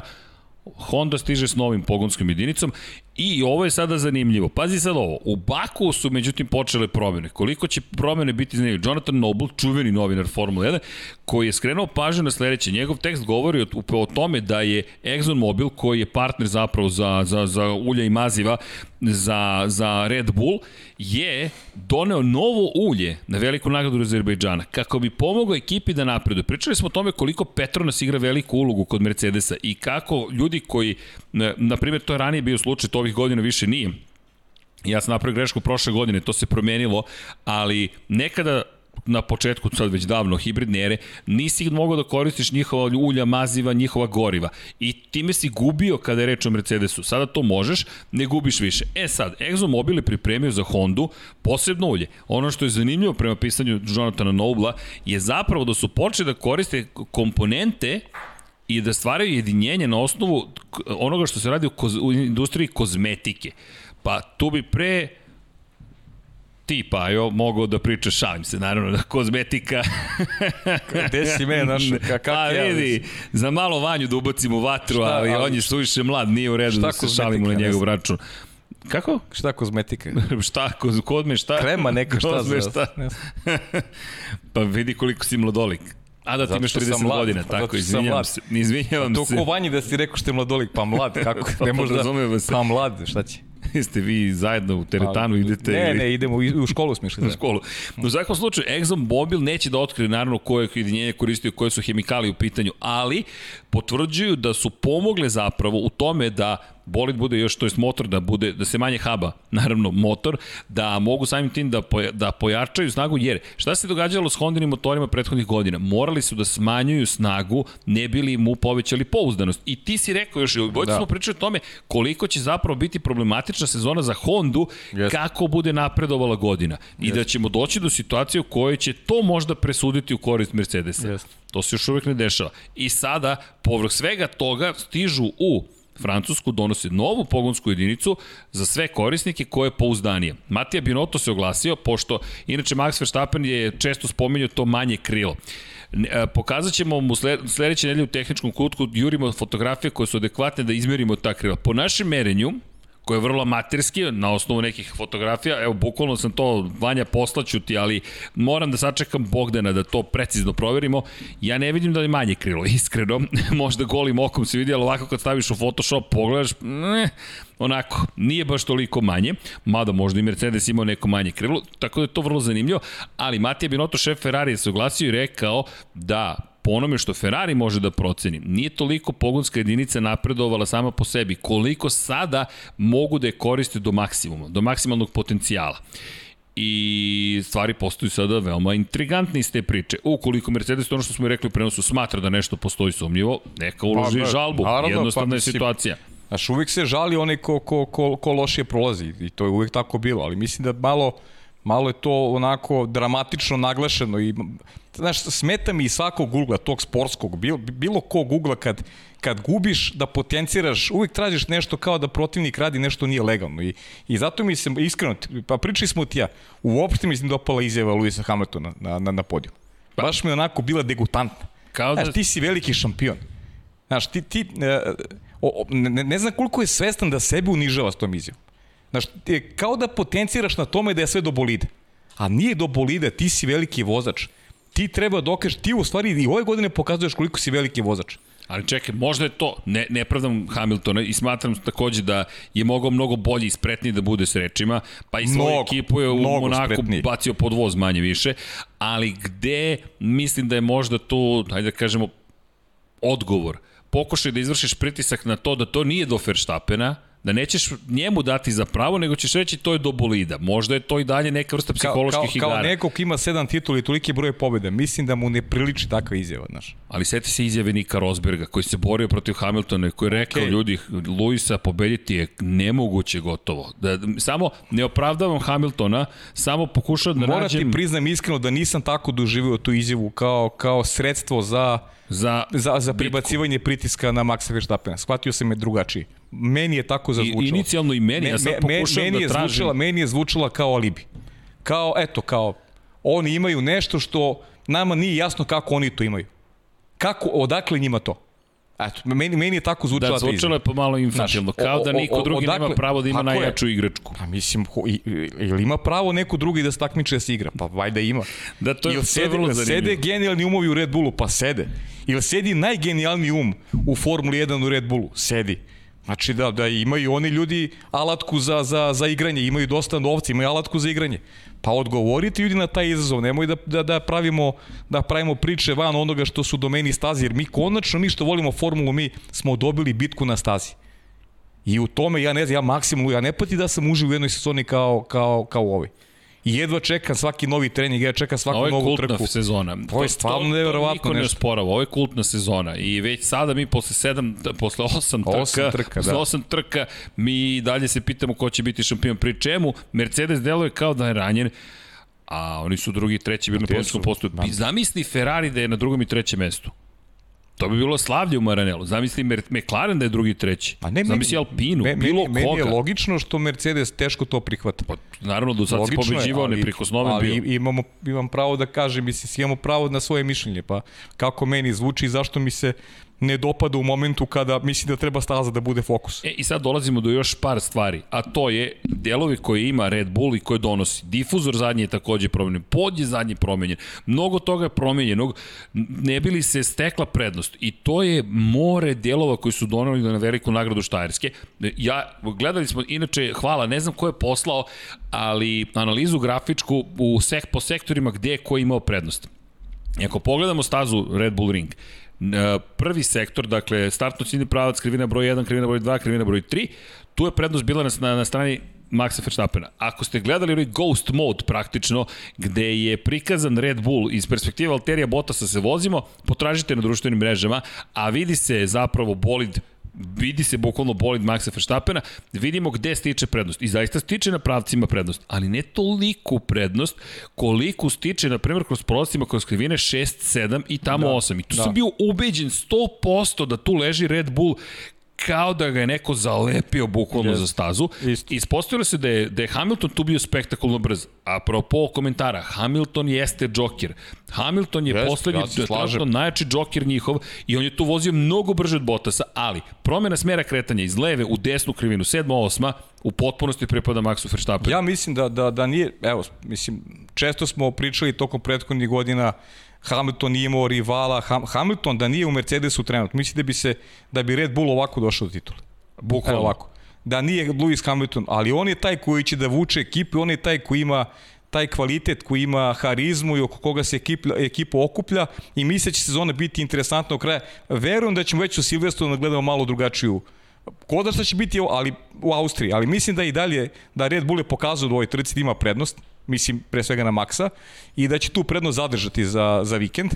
Naravno trka će biti verovatno drugačija, ne može, ne može dve trke e, iste, ne može dve identične trke, nije lako ni odvozati e, kvalifikacijni krug onako dobro kao što je Max uradio u, u e, subotu, pogotovo što znamo da Maxu baš nije uža specijalnost uh, učinak kvalifikacijama, tako da će iz te prizme možda biti Pet pol interesantnije. pozicije ima u karijeri. Ali, tako je, ali mislim da, da Red Bull ima prednost objektivnu, što uopšte ne smatram kada, kada pređemo tamo u Silverstone, da će to biti apsolutno drugačije. I- Vidi, a priča, pazi koliko je sad kom, kompleksno. U, malo pre si rekao, genijalci su i Red Bullu. Toliki da su počeli da ih kupuju sada. Dan Fellows Okej. odlazi u Aston Martin, kao što Naravno. smo rekli. Ispostavilo se da će na kraju ove godine zapravo završiti svoj angažman i da će već naredne, navodno, otići u Aston Martin. I, i, ima još stvari. Toto Wolff, šef Mercedesa, koji se oglasio i rekao mi ne planiramo dalje da pređemo bolid. Međutim, međutim, da. e sad, obično kad Toto Wolff nešto kaže, postaje polako kao Christian Horner. Christian Horner godinama bio negativac Formule 1 sa izjavama, prkosnošću, načinu na koje komen- komentari su pogotovo Renault. Međutim, Toto Wolff je sada došao do stadijuma da kada nešto kaže, mi smo 100% sigurni Će da, to, biti da će biti suprotno, apsolutno. Ako kaže mi ne razvijamo bolid, samo čekamo da vidimo šta zapravo razvijaju. I sad, čudno mi čuda, James Ellison, tehnički direktor ekipe, je otkrio, to je potvrdio za autosport, opet Jonathanu Noblu je rekao da zapravo već razvijaju neke stvari koje će doneti za bolid Mercedesa. I ono što je neverovatno, inače priča za F1 Nation podcast, to poslušajte, topla preporuka, rekao je, we have a reasonable number of things that are going to make our car faster in the coming races and let's hope they, they prove sufficient. Dakle, mi ćemo imati e, priličan broj stvari koje ćemo uraditi, to je doneti kako bismo ubrzali naš bolid i nadam se da će biti dovoljne a Toto Wolff je rekao mi smo odustali. A, e sad, sad pa čekaj, od ko je od koga odustao? Ne zaboravimo, kapiran je budžet i morate da razvijete bolid za 2022. Ali ja Paju ne vidim da će oni da puste ovo. Znaš da smo, kad smo pričali još posle druge trke? Pa da. Mislim, nije, nije realno. Ti, ti imaš konkurenta velikog, hoćeš, hoćeš titul, hoćeš da nastaviš tamo gde si stao i I jedni i drugi će učine, učine sve da osvoje šampionsku titulu. Nemam, nemam dilemu uopšte oko toga. Mislim da uopšte ne moramo slušamo šta priča i Toto Wolff i, pa ni, i Ellison i pa sa druge kao strane Luis Red Bull. kada je rekao ovo je maraton. ne, Da, ovo je ovo je maraton, maraton, ide na a pobedu, odmah je u pobedu. krivinu. Ne, nema od tog filma ništa. možda mu je žao danas ovaj što, što nije ovaj, ispoštovao. Što stvarno nije trčao maraton. Da, da, što nije ispoštovao i sačuvao tu drugu poziciju, jer svaki poen je, pa evo, pokazuje sad novi prethodni trci koliko je svaki poen važan. Pa je ovo je bok. Lewis Hamilton ide, ide po najbrži krug trke, bukvalno krug i po pre kraja. Krug i po pre kraja. Na kratkoj stazi gde svašta može da se desi, gde je Bukvalno. gužva, ne, ne, ja idem po moj poen. Ne može jedan može mehanično napravi jedan jednu grešku i da, i da ti upropasti trku. Drama. Da Možda sezonu ti upropasti celu. bukvalno, ali ne, ti ideš na jedan poen. Toliko A, da. o tome koliko ništa nije važno, to jest koliko možemo, pustit ćemo mi dalje razvoj A, Red da. Bullu. Puštamo dalje razvoj, a ovamo jurimo poen. e, vidi, ovo je bitka Titana. Ljudi, svi zajedno prisustujemo bitci Titana. Mi pričamo ko, o, To je o uljima, o hemikalijama iz kozmetičke industrije, o tvrdoći zadnjeg pneumatika. Mi sada pričamo o fleksibilnosti zadnjeg krila, o pit stopovima, o sprint trkama u Silverstonu, o tome da li će Red Bull da iskoristi ovu priliku koju ima Red, na Red Bull ringu, da li je Joker Lewis Hamilton u Mercedesu, da li govore istinu ili ne govore istinu, da li se spremaju za sledeću sezonu ili razvijaju bolid za ovu sezonu, e, ko kupuje čije ljude, Red Bull pokupovao njih 6 plus, ko zna koliko, Aston Martin koji je u vlasništvu delimično Mercedesa kupuje ljude sad iz Red Bull, Mercedes nije kupio, Da li se sećaš koliko Martin. je Sebastian Vettel u momentu imao prednost u Ferrari u odnosu na Luisa Hamiltona tamo A u ne seća se 2018. tačno, ali Pa imao jednom je. momentu je bilo preko 30 bodova, oko 35 recimo. Čini mi se jednom momentu je bilo oko 35. Ovde govorimo o tome da Red Bull ima navodno dominaciju neku, a razlika je plus 12, u kor, plus 18, pardon, u koris Maxa Verstappen. Znači, nepuna trka. Posle 8 trka. Imamo tri pobede Luisa, četiri Maxa. Imamo, imamo nemoguću sezonu. A borba za titulu šampionat konstruktora. A, apropo priče o konstruktorima, hvala Vanja. Bahrein, Imola, Portimao, konstruktori, to je već, Katalonija. to je druga priča. To je Sergio Perez taj koji pravi Jeste, jeste, ali to me dovodi do nečega što je veoma važno. Pohvale za Valterija Botasa. Ljudi, Valterija je Jeste, odvezao dve trke sjajnu trku, da nije napravio grešku u garažama, da se nije okrenuo u pit lane-u. Pitanje je i kako bi ovo izgledalo. Da li bi možda mogao da zasmeta u nekoj priči, možda Verstappen teško, teško, ali ko zna, znaš, možda je tu moglo nešto da se desi. Na kraju dana Red Bull je taj koji je poklonio treću poziciju. Sergio Perez, ovo imajući Perez se oglasio i rekao šteta za ovo što se desilo. Nadamo se da ćemo moći da budemo na pobjedničkom postoju sa Verstappen. Oni već računaju da je Verstappen da će biti tamo. Ovo je inače razlika ja, po krugovima. Da. Evo ono pa što si rekao. Da. Samo koji krug ranije. Na kraju pola sekunde za ostatka. Iskreno mislim da će da će Valtteri Bottas i sada u nedelju, tačno ovog vikenda opet biti bolji od Sergio Perez. Opet će, ovo je staza koja mu odgovara. E, to ste ti kaže, opet će Perez ili Red Bull o, kako god morati malo drugačijim strategijom da proba da, da savlada Bottas. Mi pričamo sad o tom duelu za treće. Jel Bottas ova staza baš govori super vozi na, na Red Bull ringu? Jeste. Jeste, jeste. Stvarno je vozio dobar. On je sjajno, on je sjajan bio i u, on je sjajno vozio i u Francuskoj. Mislim na Valterija. Pa ajde, ako pogledamo, evo, ako pogledamo, nismo, toliko je bilo zbudljivo, mi se nismo, mada, ono što je nedostajalo, strategija nije igrala neku veliku ulogu. Ako pogledamo Pirellivu grafiku o tome kako je izgledala zamena guma, to je koje kada menjaju na šta je prelazio manje više trka koja je jednolična bila. U 27. Bottas povlači potez, u 28. Hamilton, u 29. Verstappen. Imamo Pereza koji u 20. zapravo 6. sve otvorio, ali on je bio na making uma. 26. 7. 8. i 9. samo odgovaraju. I na kraju Perez, to je na pred kraj trke 54. kruga ide na srednje tvrde gume da. nove i Hamilton na korišćene meke gume. Strategija nije odigrala nikakvu ozbiljniju ulogu. Nije, nije. Pa eto, mogla je, mogla je po Perezu da pomogne eventualno, ali konstatovali smo i kroz trku da je tu malo Red Bull. Malkici samo bio nesigurni. Ali da. ovo može biti zanimljivo. Vanja, možeš da nam baciš e, grafiku šta je planirao Pirelli zapravo za trku, a šta smo mi na kraju dobili. To mi je fascinantno. Hvala Vanja.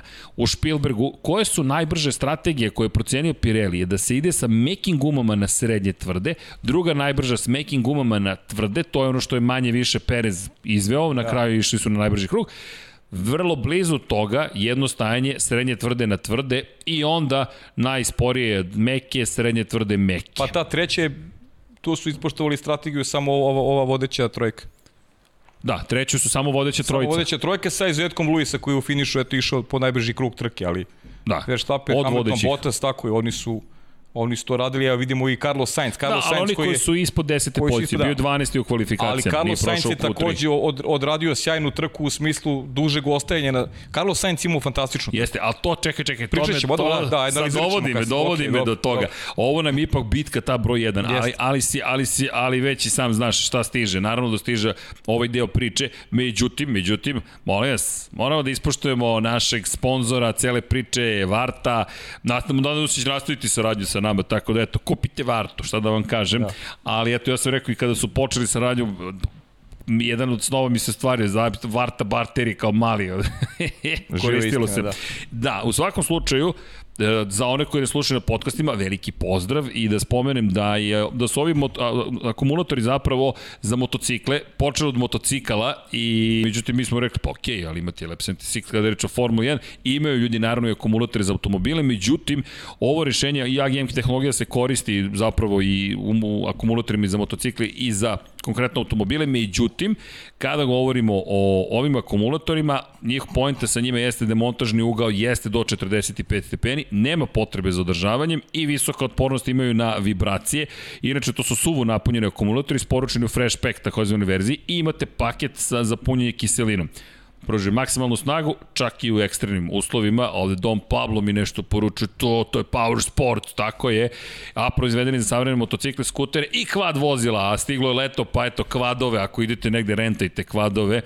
U svakom slučaju, ono što je pojente sa ovom, sa, sa ovom tehnologijom jeste da je zaista u pitanju jedna drugačija tehnologija i kada mi preporučujemo, eto, slučajno, govorimo o Varti, tako da eto, Mi smo veoma zadovoljni i nadamo se da ćete biti i vi, a nadamo se da ćemo imati još nekih zanimljivih momenta kada je reč o sponzorstvima. Vama hvala za podršku, udrite like, to je moj deo priče. Ovo je komercijalni direktor. Samo ja sam, sam čekao kad će da...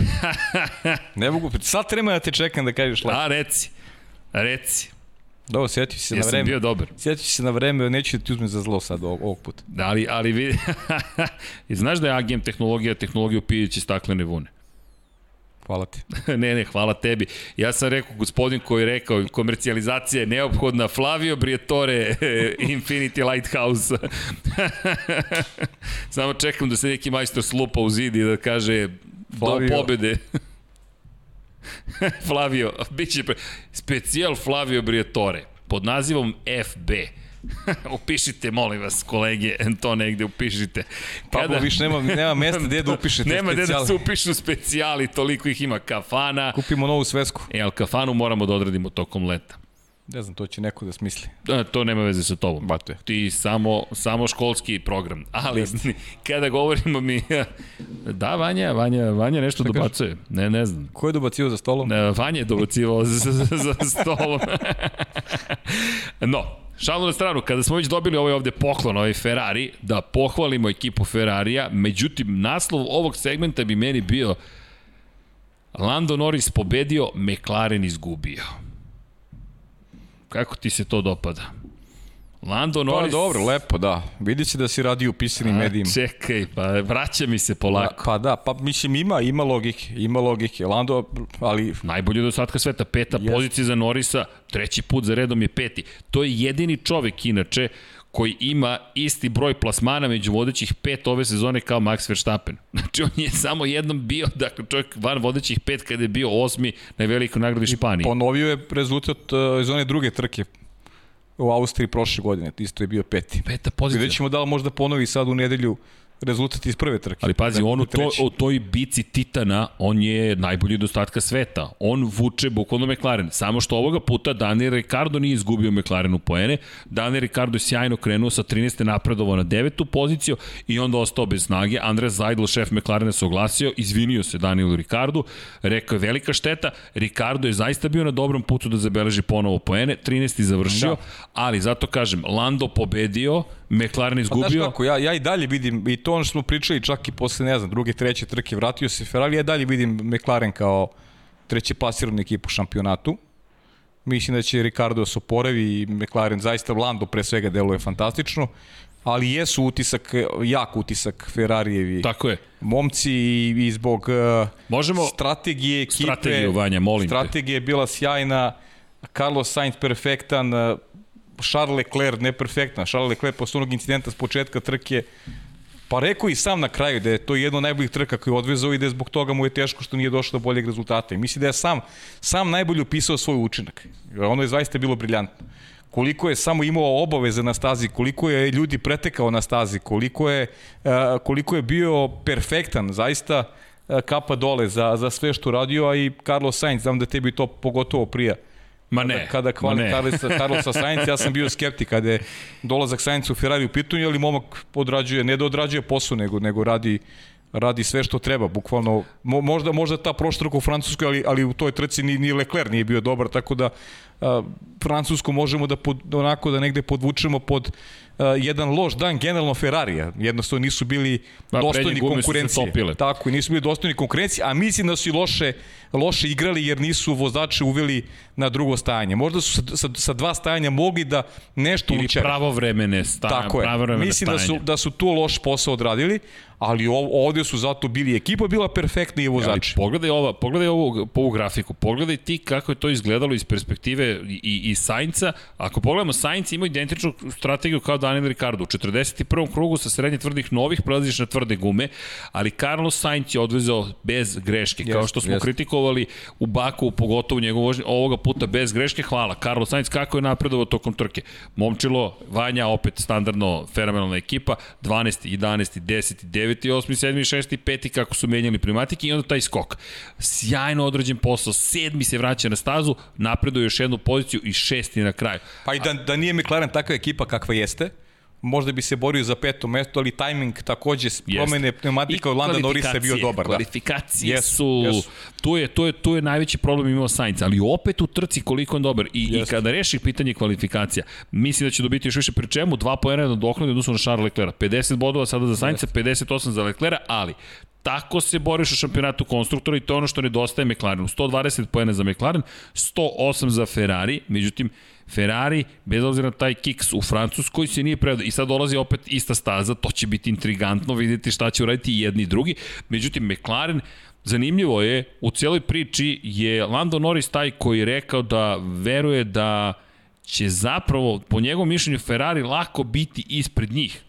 I, i da, da kada govorimo o pohvalama upućenim Ferrariju, pre svega taj tempo u trci s razlogom treba da budu hvaljeni, tako da je to eto zanimljivo, ali Vidiš. Norris, Norris pa je nekako kao da je nepravedno koliko se malo vidi tokom trka u prenosima. Prosto njegovi kadrovi su uslovno rečeno dosadni, on je sam na stazi. Nikog ispred ne može da stigne vodeću četvorku Ali niko i ne može iza. njega da stigne, Tako da. je. Pa to je, to je posledica Ferrarijevih loših kvalifikacija. Bilo bi interesantnije sigurno i tih problema I problem u prvom krugu. E, to je I, zanimljivo. I znaš šta još? Zanimljiv pa, pa incident. Pierre Gasly. Pierre Gasly, znaš, nismo imali Pierre Gasly i to je, pro, to je još jedna, Ali to je sve prvi krug. Tako je. Ali znaš ko je tu kriv? E, ko je kriv za, za sve? briljantni Fernando Alonso. Njegov start, njegov početak trke, onaj čovek je rođen da, da, da ja ne, što on kaže dajte mi svaki, svaki dan mi dajte sprint trku, tri kruga pa da vidite ko će biti svetski šampion. Kako se on promovao, tamo su unutrašnje strane, to je uska krivina, ali on je čovek tako kasno kočio, tako lepo menjao brzine, menjao stepen presa, tako tačno znao sa hladnim gumama kada šta da uradi, vidiš dvostrukog šampiona na delu i on prvi ulazi u krivinu, Norris je tu, to je ne Norris, oprostite, Gasly je tu, ima prednost, međutim Gasly sada ne može na desnu stranu, tu mu je u Alpini Fernando Alonso i Leclerc koji je levo. Međutim, Leclerc e, je napravio grešku, to nije namera, da, niti zaslužuje kaznu. Šta je pokušao da uradi? Da se podvuče u zavetrinu, malo lošija procena, jer Leclerc je imao prostora s leve strane, ali ne zaboravite ide skretanje u levo. Leclerc deluje mi kao da pokušava da se vrati iza Gaslija i taj trenutak seče zapravo gumu Pieru Gasliju, ogromnu štetu je načinio Alfa Tauriju, raspao se taj zadnji oslona, oslanjanje zadnji se raspalo i dolazimo od toga da on ostaje bez krila. imao i onaj kontakt sa, sa Schumacherom takođe posle toga. Da, mislim da je i to uticalo na, na, na bolid Pjera Gaslija. Da nije bio samo u osnovi Da, taj on je kontakt. kasnije, da, je imao, tako je, tako je, imao je, jedan i koji je kada ga je sa spoljne strane Schumacher Da, je zapravo Mick, pokušao da ga pretekne. Tako je, da, Mick Schumacher ga je, da. Ali šteta, za Gaslija ogroman Pa gubitak. šteta, ali, ali opet naš faktor Pierre Gasly će sada sigurno biti Da, da, to si u pravu, mnogo, vratit će se u igru. Vratit će sigurno igru u Austriji, jer, jer mislim, I Yuki Tsunoda je odvezao dobru trku shodno nekim Poen, mogućnostima. pozicija. Mislim da je to dobro. E, Sad on je uzeo poen. Pierre Gasly bi se... Ja mislim bi se Pierre Gasly borio sa Norrisom za, za tu petu poziciju. Vrlo moguće. Čak mi se čini da bi imao prednost na ovoj stazi. E, to je sad zanimljivo opet, taj duel Mercedes-Honda. Da. Da vidimo i taj odnos na, u ekipi koja nije najbolja ekipa koja koristi te motore. M, Gasly, da, nedostaje nam je, nedostaje ekipe Alfa Tauri, Alfa Tauri jeste dobio pojen, ali 37 bodova ima Pierre Gasly u šampionatu vozača, u šampionatu konstruktora, on drži Alfa Tauri u igri ispred Aston Martina, Aston Martin na kraju osma pozicija i mogu biti veoma zadovoljni Lensom Strollom, Lance Stroll je odlič, odličnu trku odvezao, deveti pred, eh, deseti prethodno, pa sada osmi, Da. iako je isto bio poluvidljiv, ali Kanadžanin 8 bodova, I, ali i samo pohvala za još jednom za Fernanda Alonso. Jeste deveti bio na kraju, ali iz Alpine mislim da izvukao sve. Ako pogledamo Esteban Okona, koji je bio, koji nije prošao Q2 deo kvalifikacija, katastrofa za Esteban Francuza. Okon kako je potpisao ugovor kao da je drugi čovjek. A potpuno drugi čovjek. I ne na Ajde, dobar način. da, Ali okej, da. ima, ima priliku O da ispravi. potom, ajde. Pohvale za Yuki Racunodu i nagrada za najvećeg, za najlegendarniju vožnju koja se završila u suzama ide Georgeu Russellu. Da. Pa jo, osmi si u, u ovoj konstelaciji stvari. 11. si bio u kvalifikacijama u Williamsu Krenuo kao deseti zbog kazne Da. da. Tsunode. i ti dođeš do toga da si osmi i juriš Fernanda Alonsa koji je u tom momentu na sedmoj poziciji, držiš iza sebe vozače na čistu vožnju, snagu, ne možemo pričamo baš o ne, ne znam koliko kvalitetnom bolidu. Da. Da, i pametan poti što su ga povukli u garažu. da, na kraju je to bolje i za njega i za bolid. Pa mislim da je bolje, jer oni, oni očigledno mogu da, da dođu do nekog poena ove godine, mislim može George Russell, ali ovo je trka, to je ono kad Russellu se često dešava tokom prethodnih godina da ima dobrih trka, ali da nek ne kruniše ih poenima. Ovog puta nije ništa on kriv, prosto se, tako su okolnosti bile i e, kvar na bolidu, one, one loše reakcije mehaničara, tako da je onako vezane, vezane greške ili, ili nesreće koje su se koje su obeležile trku, ali, ali zaista spektakl. Spektakl, budeš osmi u trci, Williams, ja se nećem kad je Williams u jednoj trci gde, gde nema Martina odustajanja, da, da je Williams na osmoj poziciji, da se bori na pravcu napada Fernanda Alonso, ono je neverovatno. Mislim da to, Vidi. to samo Russell i može. Da, čak i da su ostali u trci Leclerc i Gasly, on je deseti. U trci on je deseti. Dakle, čak i tu on je deseti, a on je osmi i drži ozbiljne, ozbiljnu grupu vozača iza sebe. Sjajno, zaista zaslužuje da nije Leclerc bio vozač dana, da, da se glasa za Rasela koliko da. dobro vozio. Nećemo nikad znati šta bi bilo do Da. kraja, ali teško da bi se promenio poredak tih, tih sedam. Znaš, ono videli smo za Leclerca da će sigurno biti, biti sedmi. Kako je vozio sa novim pneumaticima, baš je bio spektakl. Jeste, i sjajna vožnja i svaka mu čast. I kako ih i rekao je, možda i najbolja vožnja u mojoj karijeri od kruga broj 2 pa nadalje. Da. Vozača Formule 1. Leclerc za, jeste zaslužio vozača, titulu vozača Znaš, dana. znaš šta je mnogo bitno kad, kad voziš za, za, iz, i za veliku ekipu i napraviš grešku, a, a u glavi ne odustaješ, be, bez obzira što si svestan da je tebi trka u principu uh, otišla negde u, kako nisi očekivao, razočaran si prosto. Ali on nije delovao kao razočaran čovjek, nego je delovao kao uh, momak pun entuzijazma, e, energije da, da izvuče što bolji rezultat i to je nešto što Ferrariju treba, što je trebalo posle one očine trke u Francuskoj. I iz toga mislim da je zaslu- zaslužio epitet vozača dana i da je negde i uh, upotpunio odlično izdanje Carlosa Sainca. E, to ono što pričamo sređeni iz nedelju u nedelju. Uh, Ferrari, čak i kad završi šesti i sedmi, mi pričamo o njima uh, s pozitivne, iz pozitivne strane, jer, jer prosto u, ovi, u ovom trenutku ne može bolje. A lepo ih je videti oba vozača kad, kad uh, je negde i oni svesni, a i mi sa strane da je to maksimum koji su oni izvukli. Jer samo tako ekipa može da napreduje. Dokle go, tako u krajnjem slučaju Williams, ne Williams, nego McLaren, iz godine u godine do, doveo sebe do poziciju da sada nalaze e, među tri u šampionatu.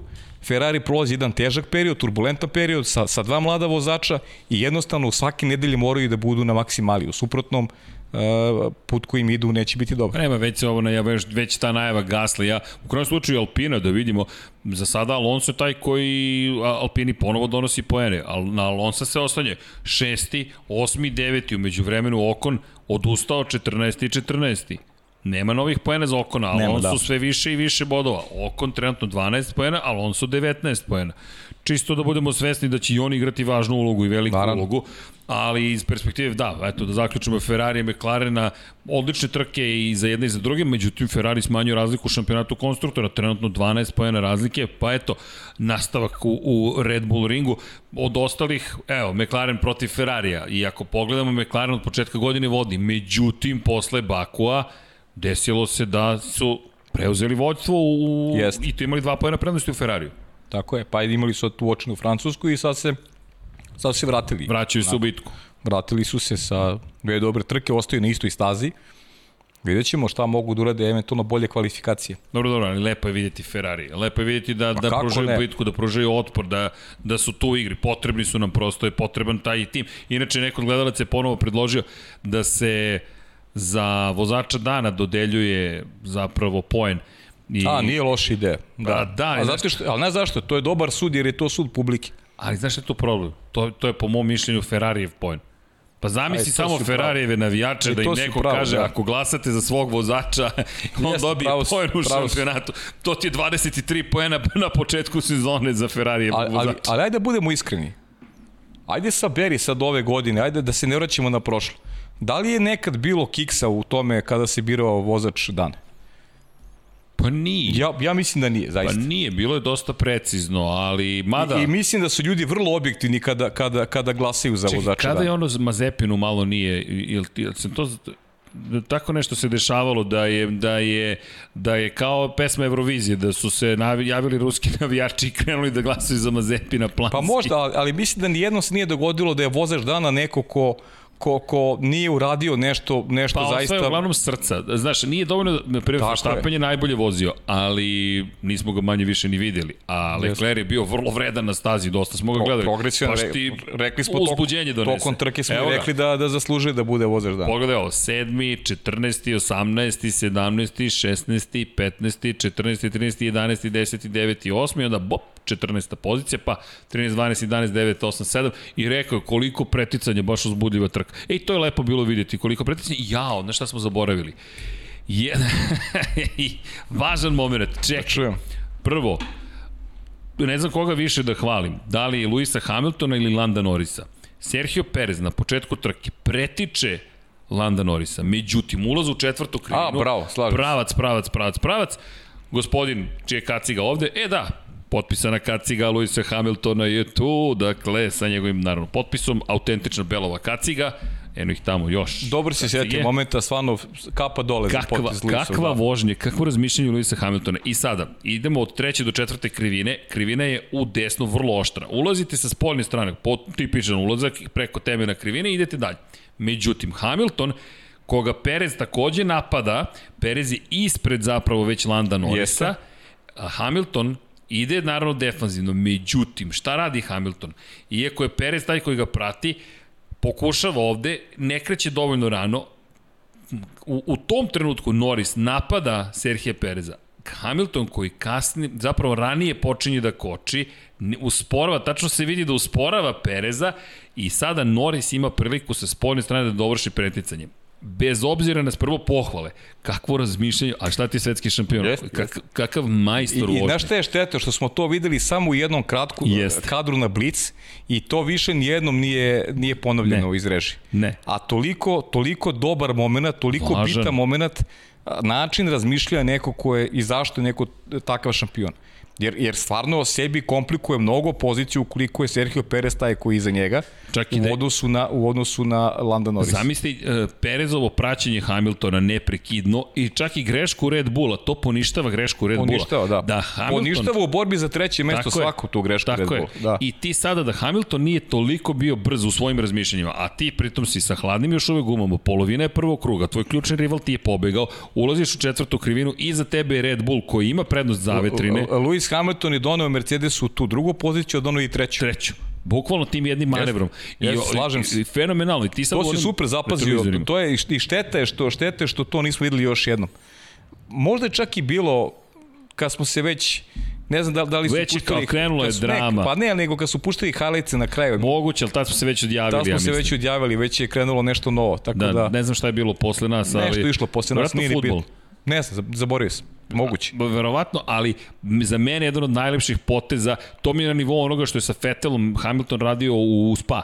To, to, to je, ne znam ko je radio tu analizu, potražite, imate, ma, moram da dodam priznanje onome, ne znam ko od YouTube kanala koji se bavi Formula 1 radio tu vrstu analize, gde je na izlasku iz, iz, iz praktično iz prve krivine spustamo se dole ka, kao ružu idemo i, i na izlasku gore i Hamilton koji ne daje pun gas nego blago pušta gas ne bi li omeo zapravo dodavanje gasa Sebastiana Fetela. Fetel nije dovoljno blizu da napadne pre oruža, ali ne dodaje do pun gas. Hamilton dodaje gas. Taj mikrosekund koji je potreban Fetelu da odreaguje je tamo toliko koliko ti nedostaje posle tamo gore na kraju pravca. Da. Na, kamel, na, na Kemel pravac i ti tu dobiješ, pazi ti ko je to razmišljanje, ti se baviš dinamikom događanja iza tebe, a Norris onda otvaraš tu priliku i ulazak u krivinu Hamiltona bez greške, savršena vožnja u tom trenutku, a s druge strane ha, uh, Norris, koliko je bilo to isto važno preticanje sa spoljne strane, Nažalost, Alex Albona, to je album pokušao prošle godine protiv Luisa Hamiltona i završilo da. se, nažalost, u suzama. To je taj moment koji je možda i definisao karijeru Alex Albona, ali pohvale i za i za Luisa Hamiltona i za Landa Norrisa. Baš jedan onako impresivan, impresivan manevar, veština Jest. vozača. Slažem se, slažem se. Konstatovali smo i bravo, ti si zapazio prvi u prenosu. Super. Ovaj, Ali- mnogo, mnogo bitan detalj i pokazatelj koliko je koncentracije neophodno fizičke spremnosti, pogotovo u ovoj, u ovoj borbi kada se vodi uh, bitka za svaki poen. Za svaki Svaki detalj je važan. I zato i kažem, ona, ona priča s početka. Zato, znaš, Onda, lepa koliko, sezona. koliko se bolje osjećamo što pričamo o, o, o sportu, pričamo o temi koju volimo, znaš, pričamo o onome što se dešava na stazi. Toliko ima tih situacija lepih i za analizu i, i, i, i, i za uživanje svih nas koji volimo ovaj sport. Tako da, ta politika i te političke priče, mislim da ono, prosto, me, prosto su mi Ali ja sam siguran. Pajo, da će toliko sportski moment ove godine biti izražen, da ćemo na kraju Mora. zaboraviti i političke priče, Ma, da će ih anulirati taj čisti duel između njih dvojice. Pa to je Bukvalno to, pa to, to lepota. duboko verujem i da šta god budu bacili jedni na druge, koji god pokušaju da izvedu van staze, da će se dalje stvari završiti na stazi. To je neki moj osjećaj, možda sam samo romantičan, ali ja duboko zaista verujem da će se to dogoditi. 100% sam čak siguran. I da ćemo prisustovati onome što si rekao, na kraju godine. Ali, da šta sam primetio? Čekaj, čekaj. Šta će ti ta šolja tu? Je li to ona šolja koju je trebalo da jedeš?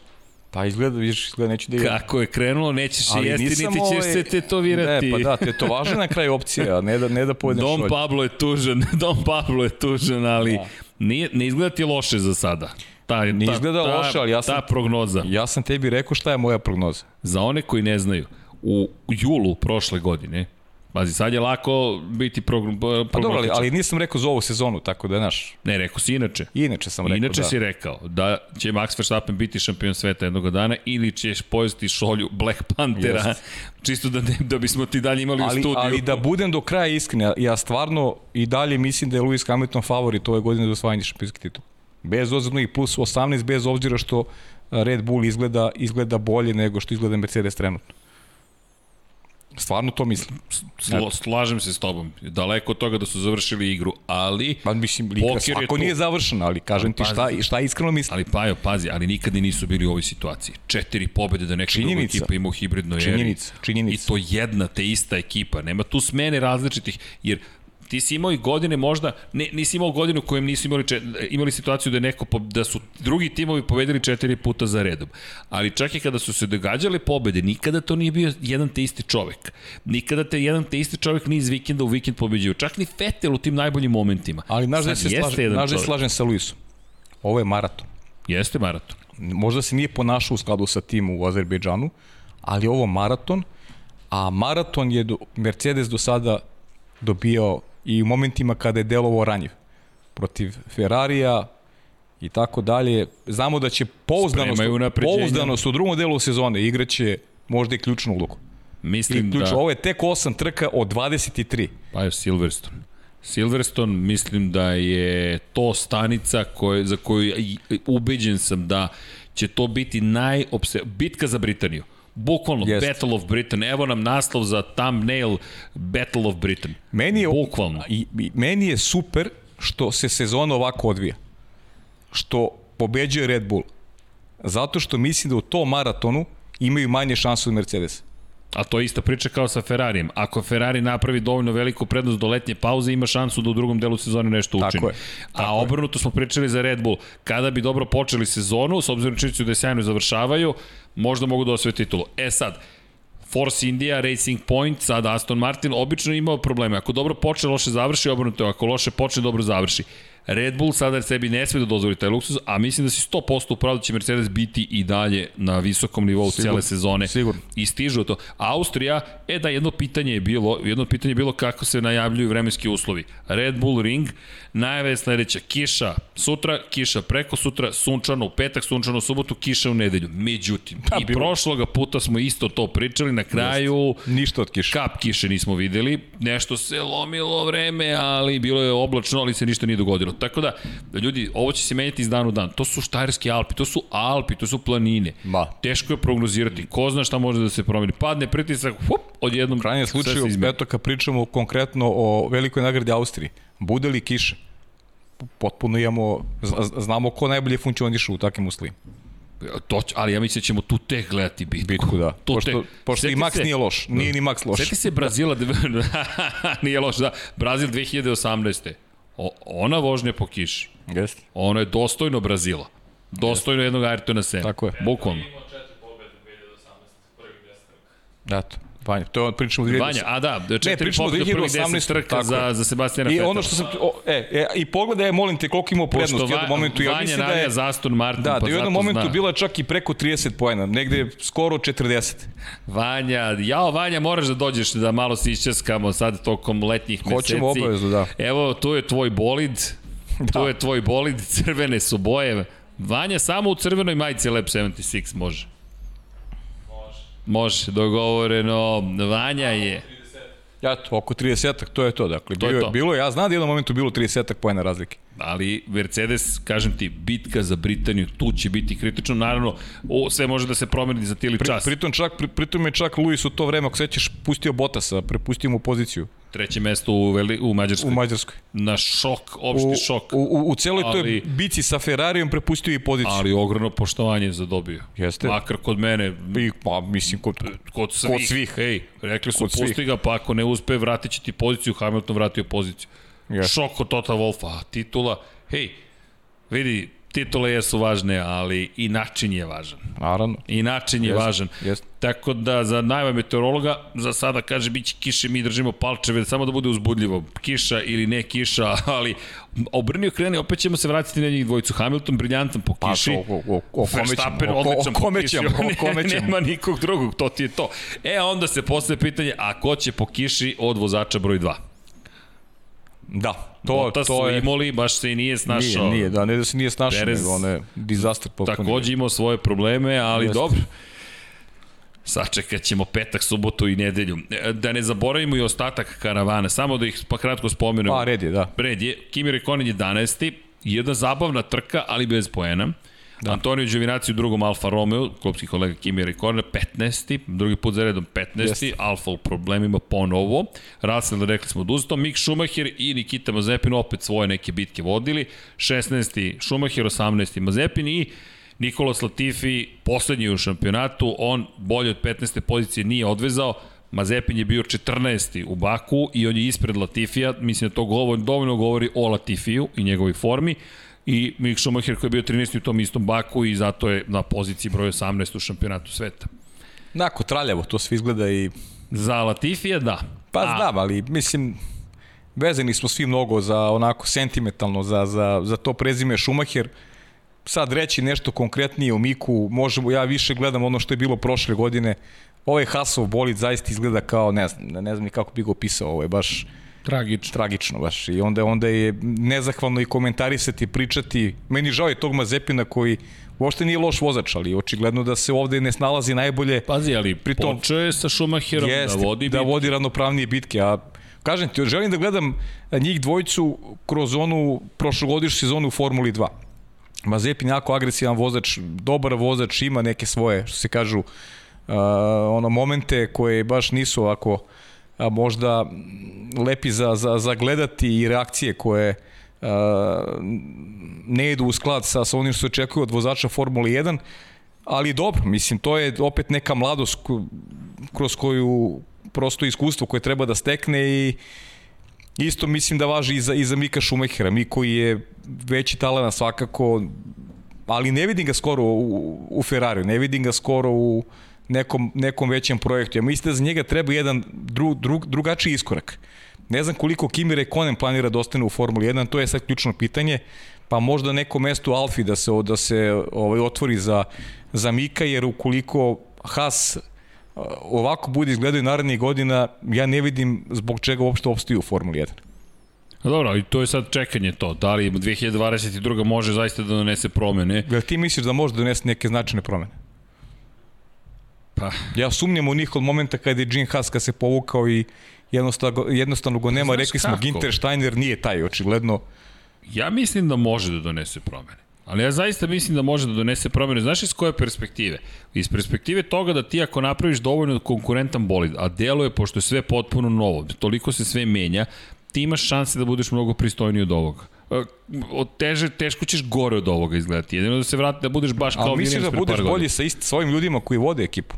E, to je sad, a, to je sada, Ali ti već sada pripremaš slažem se. projekat za narednu godinu.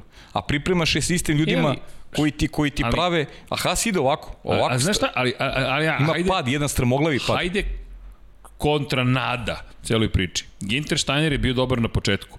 Ako se vratimo na prvu sezonu Hasa, tu je bio dobar. Možda je to jedan od onih ljudi koji može da napravi, da pokrene stvari, da bude dobar startup, ali loša korporacija. Jer imaš te ljude koji vole da su mali i vole da su malim projektima i vole da se ja protiv svih. I to su super ljudi za startupe, da pokrenu stvari, da ti daju onu iskru, kažu ajmo kroz to kreativno ludilo doći ćemo do nečega. Ali ako hoćeš da ideš dalje od toga, u tom momentu ti prestaješ da budeš to i ti moraš, jer vidi, deluje kao ha-ha moment i na Instagramu, ne znam da li si video to, kada su dali bolid koji se obraća Nikiti Mazepinu. I sad ti sediš i gledaš, ok, to je ha-ha, a to ne ide na Instagram. To čak ni ne treba da daš svom vozaču. Jer taj haha moment može da podnese neko ko ima mnogo više samopouzdanja i iskustva, to je moje mišljenje, a ti si Ginter Steiner, ti si izvršni direktor jedne ekipe i ti si seo i od svega što imaš da uradiš tokom tog vikenda ti prikazuješ jedan haha moment. Ok, evo nasmijali smo se. Ali ajde molim te sredi ekipu. Ja mislim da, znaš šta mislim da je njihova budućnost, da, da Američka, Amerika koja je ogromno tržište i mislim da su oni, da, da tamo treba neko da pogura Gina Hasa i da, da možda američki vozač sa nekim novim investicijama da bi mogao, Bojim ali, se ali misle su da je plan zakasnili. Da, bojim se da je plan prodaje ekipe. Pa. I da će cilj u 2022. biti da uradimo dovoljno dobar posao da neko dođe da nas kupi. A, jer pazi, ušao je fond koji je kupio Williams iz Amerike. Tako da američki novac nije, ne, nije ne zainteresovan za Formulu 1. Samo što prosto Haas nije bio vredan kupovine. Pa pre par godina, Prosto, pre, par, godina, godina da. jeste, da. Jer nije samo pitanje toga kakav je bolid sada, već ovo što si ti suštinski rekao, to je ko su ljudi koji upravljaju tamo. Jer ti kad kupuješ kompaniju, ti kupuješ ljude. Ma i ono, i ono, šta je, šta je možda bilo, i ono, i ono, i ono sa sponzorima, šta je bilo, ona, ona, ona, To je ona, potpuni. ona, Sa čovekom koji ima lažno energetsko piće. Ma neverovatno, ono, ono je zaista šta su sebi dozvolili, to je užas. I onda treba da komentarišemo dva ta talentovana momka, ti ne vidiš ništa, ti vidiš mnogo grešaka Pa jo. koje prave bo, bolid koji, koji je neupravljiv. Mislim, znaš, ovo su stvarno, znaš, tre- tre- treba da pokažeš da pokažeš e, da si da si vredan ostanka u Formuli 1, a ti nemaš čime to da pokažeš. Znaš šta mi pade na pamet? Da napravimo mi energetsko piće. Fire 76. Kao kerozin. Rock, da, Pablo, za, Pablo zapiši ovu da, moj. zapiši Vatra Ali, 76. ali znaš gde na, na korici? Na korici napiši da, ovaj, da ne zaboravimo. Fire 76, šta pijete Fire 76 vodku? Kako? Tesla da kupi Tesla da kupi da, Haas. da kupi Haas. Zašto bi Tesla kupio motore s unutrašnjim sagorijem, to je Da. hibridnu tehnologiju? A, ti si otišao na rakete. Otišao je korak a, napred. sad sam shvatio gde ide. Dobro, dobro, dobro. Da, ali bojim se, možda Ford da kupi, to bi bilo zanimljivo. Ja bih voleo A, Ford, Ford da bi bilo super. A, pa u to. celu priču. Ne kažem da će se to desiti, samo pričam da bi bilo fenomenalno vidjeti Sam, Ford. treba, treba Ferrari da ih izazove. pa zar, zar, a, Pa, pričamo o to. istoriji, Pričamo, o istoriji, pričamo o istoriji, pričamo o filmovima. Da. da pričamo o filmovima. Pa dobro, film je, ali... A, Ali istorija. To je bila zbilja. Da. je, jeste, to jeste. Morat ćemo u bioskop. Propustio si ono bioskopsko veče, ali moramo u rej, bioskop, da. pazi. E, dobri su automobili, fenomenalni su.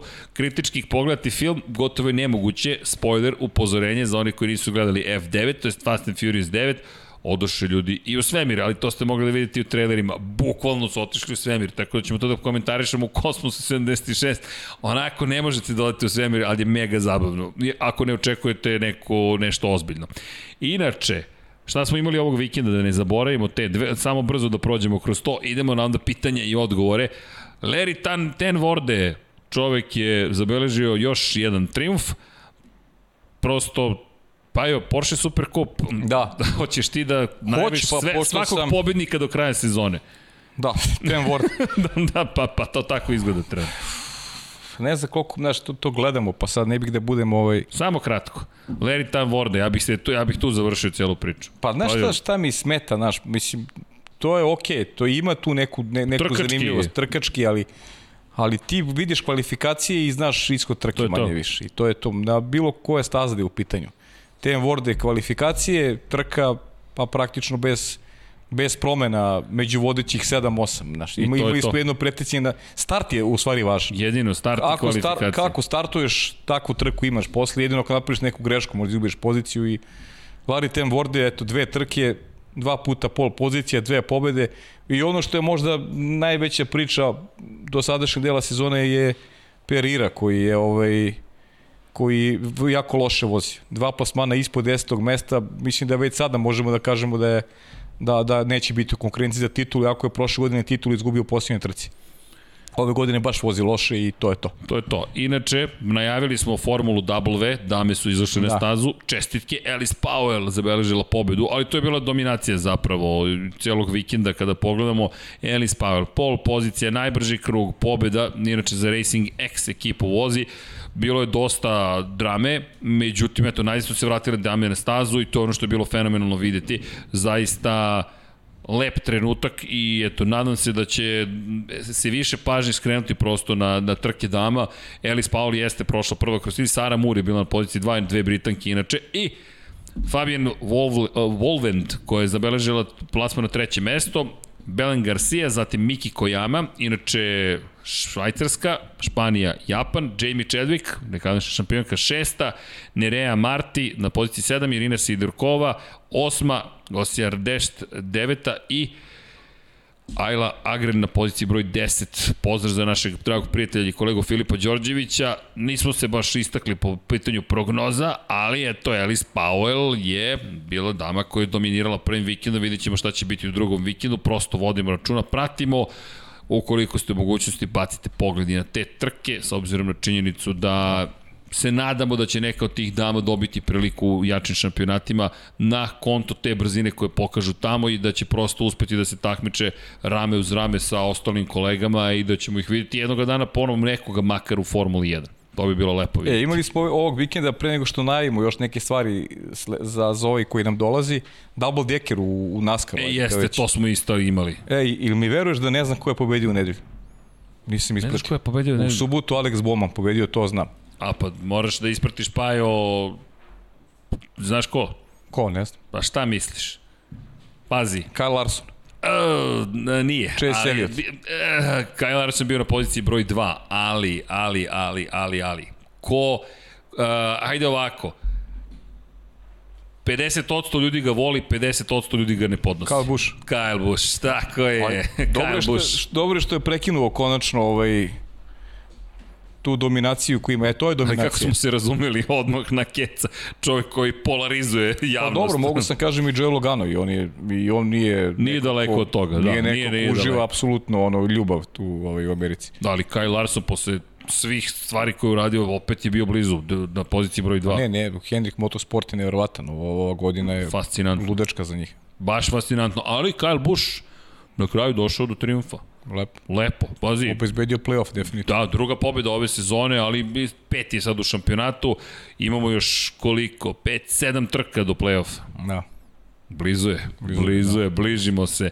Da, inače vikend je baš bio, bio je zahtevan vikend iza nas. Jeste. A imamo sad, uh, imamo i, for, mislim da se Formula 3 nastavlja sad za vikend.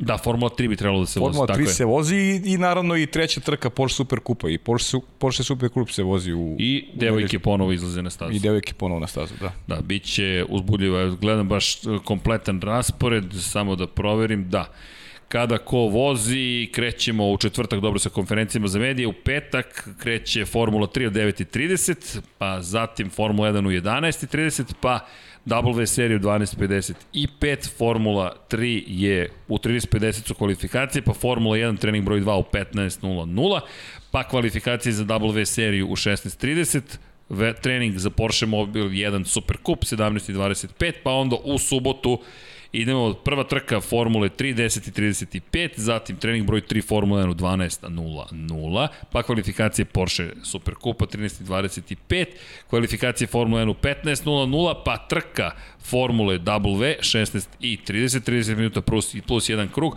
pa druga trka Formule 3 u 17 i 45, pa onda u nedelju treća trka u 11.05 Formule 3, pa Porsche Super Cup trka u 12 časova i 15 minuta, 18 krugova ili 30 minuta i onda dolazi Formula 1 od 15.00. Lepo ćemo se družiti. O, Vanja, hvala, kakav moment. Mogli smo ovo i na početku, moja mea culpa, što kažu, Bogdan Opa. Brđević ponovo je bio raspoložen, nadam se da vam se dopada poster, Da, sjajno. 4. jula Red Bull Ring ponovo, velika nagrada Austrije. Vidiš, oblaci su i ovde su oblaci. oblaci su i na posteru, ali raspoložen. Mada, da li je ovo Carlos Sainz koji drži austrijsku zastavu i kaže izazov bikovima, ovladaću vama tamo u senci je onaj bolid, ne znam, mada ima crvene tragove, možda je to Ferrari, možda je to i Mercedes, ali u čast tak, takođe Nikija Laude. Na svakom slučaju divan poster, nadam se da ste... E, da, vrati, vrati, vrati poster. Čekaj, ajmo da vidimo da li vam se dopada poster ili ne. To da stavimo kao anketu, nadam se da vam se dopada, mi smo oduševljeni. Mateo Lovrić kaže, diši Srki, kako? kako da dišemo kada smo imali ovakav vikend i teki dolazi pred nama, ali zaista uživamo u ovom posteru i moći ćete da ih kupujete. Ljudi, danas smo bili u banci i potpisali smo 25 papira, samo da možemo da otvorimo račun na koji možemo da spojimo payment system, da može da se kupuje iz inostranstva. Ne znam šta sve nisam potpisao, pa je. Bukvalno, ne znam šta nisam potpisao, pri čemu 42 puta Znači sam sad ponovio. potpis ide ono, samo od sebe. Mogu ti kažem, Spavaće, ovako, ovako će spavaš. Matični broj kompanije 214 te, uh, 214 46692. O, na ke, ovako, ne, ne 216, izvinite, 46962, PIB 102 308 4442. Ne, po- sto puta sam upisao jedno te isto i razmišljam, ali doneli smo sve papire na kojima piše to isto. hvala, Vanja. Hvala, hvala. Kad zaslužiš aplauz, Tako je, tako je. Ali dobili smo, završili smo papire i javit će mi se u roku od 5 dana da li smo dobili otvaranje računa. Pošto dobro. mora da se proveri da li radim za nevladinu, vladinu organizaciju, da li radim ne znam nija šta. I tako. ti kaže radiš za pajenu organizaciju. radim za komercijalnog direktora Paju Živkovića. Nemojte da zovem Ne gospodina ne, Paju. niz, niz za kakvog vladu ne radim, radim za pajenu. Ja, da, bilo je zabavno. Da li sam pročitao svih 25 stranica? Aj, ja, pokušao sam. Ne, ne, ne pročitao sam one bitne. Dobro Vratio pitanje, sam one da. bitne, ali imamo, nismo završili, evo baš dolaze do toga da postavljaju ljudi pitanje već. Imamo takođe dve velike vesti, a to jeste Turska se vratila u šampionat sveta i naravno Igora Drive dobija svoju šansu. Velika nagrada Turske makar za sada biće na programu, dakle velika nagrada Turske u Istanbulu kao što smo imali prošle godine se vraćamo, moram pristiti se radujem, Istanbul Park meni makar se Da, dopada. opet termin, termin opet 3. ovaj. oktobar. Dobar, da, ali dobro, bit će. Dobro, bar je asfalt Okej, sada da. pripremljen, vidi. Neće biti noćnih taksista koji pokušavaju da utrljaju bitumen. Dobro, Igora Drive tamo od 2023. Da, beš. od 2023. Velika nagrada Rusija ove godine se održava u Sočiju kao i naredne, međutim i Gora Drive je vrlo zanimljiva, s obzirom na činjenicu smo i Gori Drive pričali u okviru priprema za šampionat sveta u motociklizmu i Gora Drive, iako kažu da se nalazi u Sankt Petersburgu, ne nalazi se u Sankt Petersburgu, to tako dobro zvuči, ali verujte nije. I Gora Drive jeste na neki način reklama za Sankt Petersburg, predivan grad, makar tako kažu, nisam ga još posetio, eto prilike da se poseti. Sankt Petersburg je relativno blizu, u svakom slučaju autodrom svi hvale, moram priznati da još nismo imali priliku baš da gledamo tako veliko takmičenje, pa sada da pričamo o tome kako će to izgledati ili neće, ali severno od Sankt Petersburga, tamo prema granici sa Finskom se nalazi, pa eto, mi držimo palče da će se zaista održati sve, da će sve biti kako treba, ali ono što bih ja napomenuo u cijeloj priči jeste da to zapravo pravi autodrom i da mi ovde pričamo o o nečemu što, iako, iako nismo baš miljenici Hermana Tilkija, deluje da je dobra staza. Kratka je, to me malo zabrinjava, 4086 metara. Srki, koliko ih je pravio, nekad i pogodi.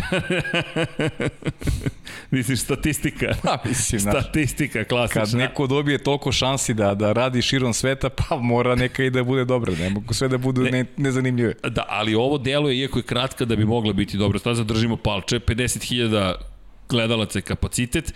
Ono što, samo da napomenem još jednom, ljudi, nije u Sankt Petersburgu. Neko me zvao da kaže Sankt Petersburg dobio uličnu trku. Ja razmišljam, puj, kad se to desilo? Inače, staza je na nekih 80 km od Sankt Petersburga. Da, da, Bila je prva priča, to da. sam ja rekao jednom prilikom isto tako Jesi da je, ti rekao? Da, da ide i meni, ide i meni na Zbunio dušu. si me. Ide i meni na dušu zato što je bila priča Sad znam ko me zbunio. Jest, znam da je jest. u Sankt Petersburg dobio. Rekao, Jeste, jeste, šta ja sam, sam propustio? Ja sam, jeste, jeste, ja sam jednom momentu to i, i davnih dana sam i pričao o tome da, da je, E, sad si me zbunio jer je Sankt. Pet, jer je Sankt da Peterburg, od pa da, zato što su oni to pravili kao e, kao i turistička ovaj odrednica i Sankt Peterburg je Jeste. prelep grad, nije sporno. Ali DTM se tamo da, vozio. Tako je, ali je, ali je staza, staza nije baš u Sankt Peterburgu i nije ni daleko. Jeste, ali, sad se sećam, znam da si me zbunio da Ne, ne, sam ja počeo ja da googlam šta sam propustio Ja od sam, ja vesti, sam, da. šta se dogodilo. Ja sam krivac za, Dobre, za, dobre. ja sam krivac za, za nesporazum. Pa nisi, nema Pa krivac. dobro, mislim, Znam da, znam da sam se skroz bio zbunio, ali samo da napomenem, 80 km od Sankt Petersburga, ali jeste reklama za upravo taj deo. I ukoliko su kaže prilika, pa eto nas u Sankt Petersburgu. kad je počela ta gradnja i ta priča, potenciralo se na San Peterburgu kao destinaciji i negde sam ja povezao u tom momentu još da je to da se pravi ulična staza. Znaš da tamo još uvek koriste, koliko znam, hidroglisere. Od čudesnih mašina iz nekog drugog perioda pokušam da ujurim gde još uvek ima funkcionalni hidrogliser i da pokušam da ga snimim. To je meni impresivna jedna tehnologija koja mi je krajnje zanimljiva. Ali dobro, to je neka druga priča. U svakom slučaju Gora Drive dolazi, ali tek za dve godine. Da, mislim, nemamo šta da najavljujemo za... Za Goru Drive nemamo... Ne, nego za, za nedelju. Mislim, znaš, to je... Što je, da najavimo? Pa trku, mislim. 202. znaš, trka. 202. 202. trka u, u, na, u, u našim karijerama. Hvala. Hvala što si ubacio. Inače, pozdrav za ekipu. Nadam se da... Nadam se da imate spremna pitanja, pa smo nešto propustili. Ne, ne, mislim da, ne znam. Možda... Don Pablo, Ivane, ili ima Ivan nešto smo Toškov nam je zaboravili? tu. Na, vidi, tu, tu nam je pokrovitelj. Čekaj, Da. po, evo, poklo, pozdrav pokrovitelju. Dubok naklon, dubok naklon, gospodine. Da, mi niječe nismo pripremili na, na Patreonu pokroviteljstva u smislu, vrlo je otvoreno, ali ćemo smisliti, to jest već smo smislili, planiramo da uvedemo te termine, sad razmišljamo samo koji kopite kafu komentatorima ili Novajlije, ali ići ćemo više ka automoto trkama i pilotima, pošto kosmos mora da se veže, mada možemo da uvežemo i 99 yardi, pošto je sve to Infinity Lighthouse-u. Znaš šta kažeš, Deki Andrić, kaže, možda u papirima piše da je saglasan da daje bubrek ako nije čitao. Ni- Kaže, da čitaš sitna crna slova u, ugovori, u ugovorima. Ne, ne, ne, pročitali smo, pročitali ljudi, ostali smo 3 sata u banci, sedeli smo i čitali, i čitali, i čitali, i čitali, i čitali. A znaš šta kaže Boris Trutin, pozdravlja Da. Kaže, u San Peterburgu ima i muzej vodke. Muzej vodke. Zašto bi to nas Pa ne znam, eto, zašto je- zašto je podelio Zbog s nama? energetskog pića, zbog Zašto Fire je, 76. zašto je s nama podelio tu informaciju? Zbog vatre Samo on zna. 76. Da. to je to, to, to. Hoćemo na pitanja, a? Hoćemo na pitanja. Evo ovako kaže Marko Murgić, pozdravlja cijelu ekipu, imam neke pitanja, pa ako stignete da govorite, super. Prvo, da li mislite da u slučaju da sezona bude neizvesna do kraja, da će Max ipak da popusti na iskustvo, jer Luis odlično zna kako svoje titule? Drugo, da li vas brine razlika koju Max napravi u odnosu na Luis Austrije, jer je Honda moćna i da li Srki misli da Red Bull ima velike šanse u Silverstonu, jer tamo ima dve krivine slične kao Austrije koje spomenje. Hvala unapred i pozdrav, sjajni ste, hvala Marko. Ajmo od prvog pitanja. Šta da. beše prvo, čekaj, Prvo pitanje, pitanja. da li, pa da, Luis iskustvo, pa to ono što smo malo manje više pričali, makar da. se ja priči, ja zaista mislim da je, da je favorit uh, Lewis Hamilton bez ozira na trenutnu razliku koja je na strani Maxa Verstappena. I, i, i pa, mislim vrlo da... moguće da to iskustvo bude odigralo jako važnu ulogu u drugom delu sezone. Ne samo iskustvo koje ima Lewis Hamilton, bez o, i ti nedostaci koje, koje, mislim, neke stvari koje se meni lično ne dopadaju, nemaju nikakve veze sa objektivnim stanjima, to da je Mercedes velika ekipa i da da u momentu kada se sezona bude odlučivala, ja verujem da će Mercedes biti na, na nivou na kome je bio i prethodnih godina. E, da li će Red Bull to moće pratiti, to je veliko pitanje, ali da, da, da Lewis Hamilton ima prednost na računi iskustva, ja mu dajem prednost na račun iskustva i naravno i kvaliteta koji posjeduje. E, što se ti imam isto pita, isti odgovor praktično, a to jeste zapravo da da, mislim da će Hamilton i kako pomoći iskustvo i da je čovek koji zna kako se vode ovakve bitke. Pobedio je Nika Rosberga više puta, pobedio je Sebastijana Fetela više puta, pobedio je konačno i Felipe Amasu, pa i Fernanda Alonso kada je počinjao svoju karijeru. Tako da nije čovek koji ne zna kako se bori za titulu. Ne zaboravimo, Lewis Hamilton je bio u bici za titulu šampiona sveta i 2010. godine u poslednjoj trci sezone. Jeste bio četvrti tada od četiri potencijalne osvajača titule, ali opet on je bio i dalje u igri za titulu. Ko, ne zaboravimo još jednu bitnu stvar, to se često zaboravlja. Hamilton trenutno deli pod, podelio je javnost. Dakle, ko Kyle Busch u NASCAR-u, ili ga volite ili ga ne volite, ali ako gledamo vozački, on je u svojoj debitanskoj sezoni bio u borbi za titulu šampiona sveta do poslednje trke sezone. On je čak mogao trku ranije da, da postane prvak sveta, da nisu napravili grešku u McLarenu, pa i sam Hamilton, da nije guma stradala na velikoj nagradi Kine. Tako da je taj čovjek imao šansu 2007. da bude šampion, 2010. da bude šampion, 2016. da bude šampion, pored ovih sedam, on je čovjek mogo da ima još tri titule. Nije ih osvojio, ali da se ne svede sve samo na Mercedesu. To je čovek koji je imao u, u eri McLarena šansu da bude trostruki prvog sveta. Ma ništa sport. Čisto da, da, da, da znate. Treba podsjetiti, jeste. Da, treba podsjetiti i imao je šansu, dakle, da, da u, u, u svemu ovome nauči kako je boriti se za titulu prvaka sveta. Njemu neće biti ništa novo. Ni deveta runda, ni deseta runda, ni jedanesta runda, je. ni jedna runda mu neće e, biti Ma novo. Maxu je novo. Novo je. Maxu je novo. On nije nikad bio u ovakvoj poziciji je. da se bori za najveći ulog. I sad je to. I samim tim očekuje se da on pokaže onako više nesigurnosti u tim nekim kritičnim momentima, jer i dalje ovo prvi deo sezone i dalje ti o tom najvećem ulogu ne razmišljaš dovoljno, ali kako se bližiš cilju, tako ti je sve teže da ga ostvariš u konkurenciji nekoga ko, ko vrlo dobro zna kako se to radi. E, pa I to nije karakteristično samo za za Formulu 1 karakteristično je za svaki sport gde je neko s ulogom outsidera, neko ko ne poznaje stanje stvari na najbolji način, neko ko nije vičan, u stvari nije bio u prilici da se bori za najveći ulog, teško mu je da, da prođe kroz cilj uh, kao prvo plasiran. Ali, ali, ali, ajmo, hajde da pogledamo iz druge perspektive. Često je stvar perspektive. Uh, ili ti prizme. Čekaj. Da. Moramo da spremamo majice. Ne smemo da zaboravimo Silverstone. Ne, ne, ne, da nećemo, nećemo dečko, jer je dobro pitanje. sa Patreona pitanja, takođe to, da. to nam ide kao, kao prvo stavku, malo smo preskočili, ne zamerite. Ali, e, šta može da bude prednost zapravo od Maxa Verstappena, što zapravo ni ne zna? Što može da bude, neću to nazvati početničkom srećom, nego situacijom u kojoj se nikad nisi našao, možda zbog zahvaljujući tome nećeš osetiti na taj način pritisak. To je ono kao kad nešto radiš prvi put. Ne znam, to je Mark Marquez spominjao u svetskom šampionatu motociklizmu. Prva titula mu je bila zabavna, svaka sledeća je bila ozbiljna bitka obaveza praktično, ti sada moraš da isporučiš, ali to je sad neko druga, druga bitka. Samo možda to može. Više naginjem kome što si rekao da će biti problem za Maxa Verstappena, na osnovu čega već sada argumentaciju imam moment kada je pretekao Hamilton na krug i po pre kraju u Francuskoj. On se izgubio. Njegova ekipa je morala da ga smiri, da mu kaže šta da uradi na volanu, koja podešavanje da izabere, da bi ostao dovoljno pribran da završi pobedu koja je već u rukama. Tako da, za njega ovo novo, kada odu na letnju pauzu, da. ukoliko bude vodio, ko zna kako će pristupiti stvarima, ko zna kako će voziti pred domaćem publikom, svi to postavljamo kao nešto što je velika prednost. Hamiltonu jeste prednost. Tamo da odgovorim na treće pitanje, Hamilton ima turbo, kao neko je pitao i za fantaziju, dotaći ćemo se i fantazija, imaš turbo na toj stazi. Ta, to kod Hamiltona funkcioniše. Kod nekih ljudi, neki ljudi nestanu pred domaćem publikom. Evo, braća Aleš i Pole Spargaro, dođu u Barcelonu, pa evo, mi smo najavili da njih dvojica neće završiti trku. Nije da nije završio trku. Nikada ne završe trku u Barceloni. Njima to potpuno poremeti pripreme što su kod kuće. Potpuno, umesto da budu bolji, oni su dva puta Dobro, gori. To je obrnuta, obrnuta psihologija. Psihologija, tako je. I, I imaš često te primere, naš, u, u To ne znamo za Maxa kakav će biti. Ne, e, ne znam. Za, ne na znam. osnovu Red Bull ringa, za njega to ne, obećava. Pa za njega i ne znamo kakav će biti u tim kritičnim momentima sezone, kako će to. se ponašati kada, kada taj ulog bude bivao sve veći, kada se bude Hamilton. bližio toj, toj ciljnoj liniji. To je, to je nešto što ne znamo i, i, i zato je zato jeste sezona dramatična, ali pazi, mislim, opet uh, uh, drugi pogled na celu priču. Zamisli da on, da on izgura taj, tu vrstu pritiska i da prvi prođe kroz cilj.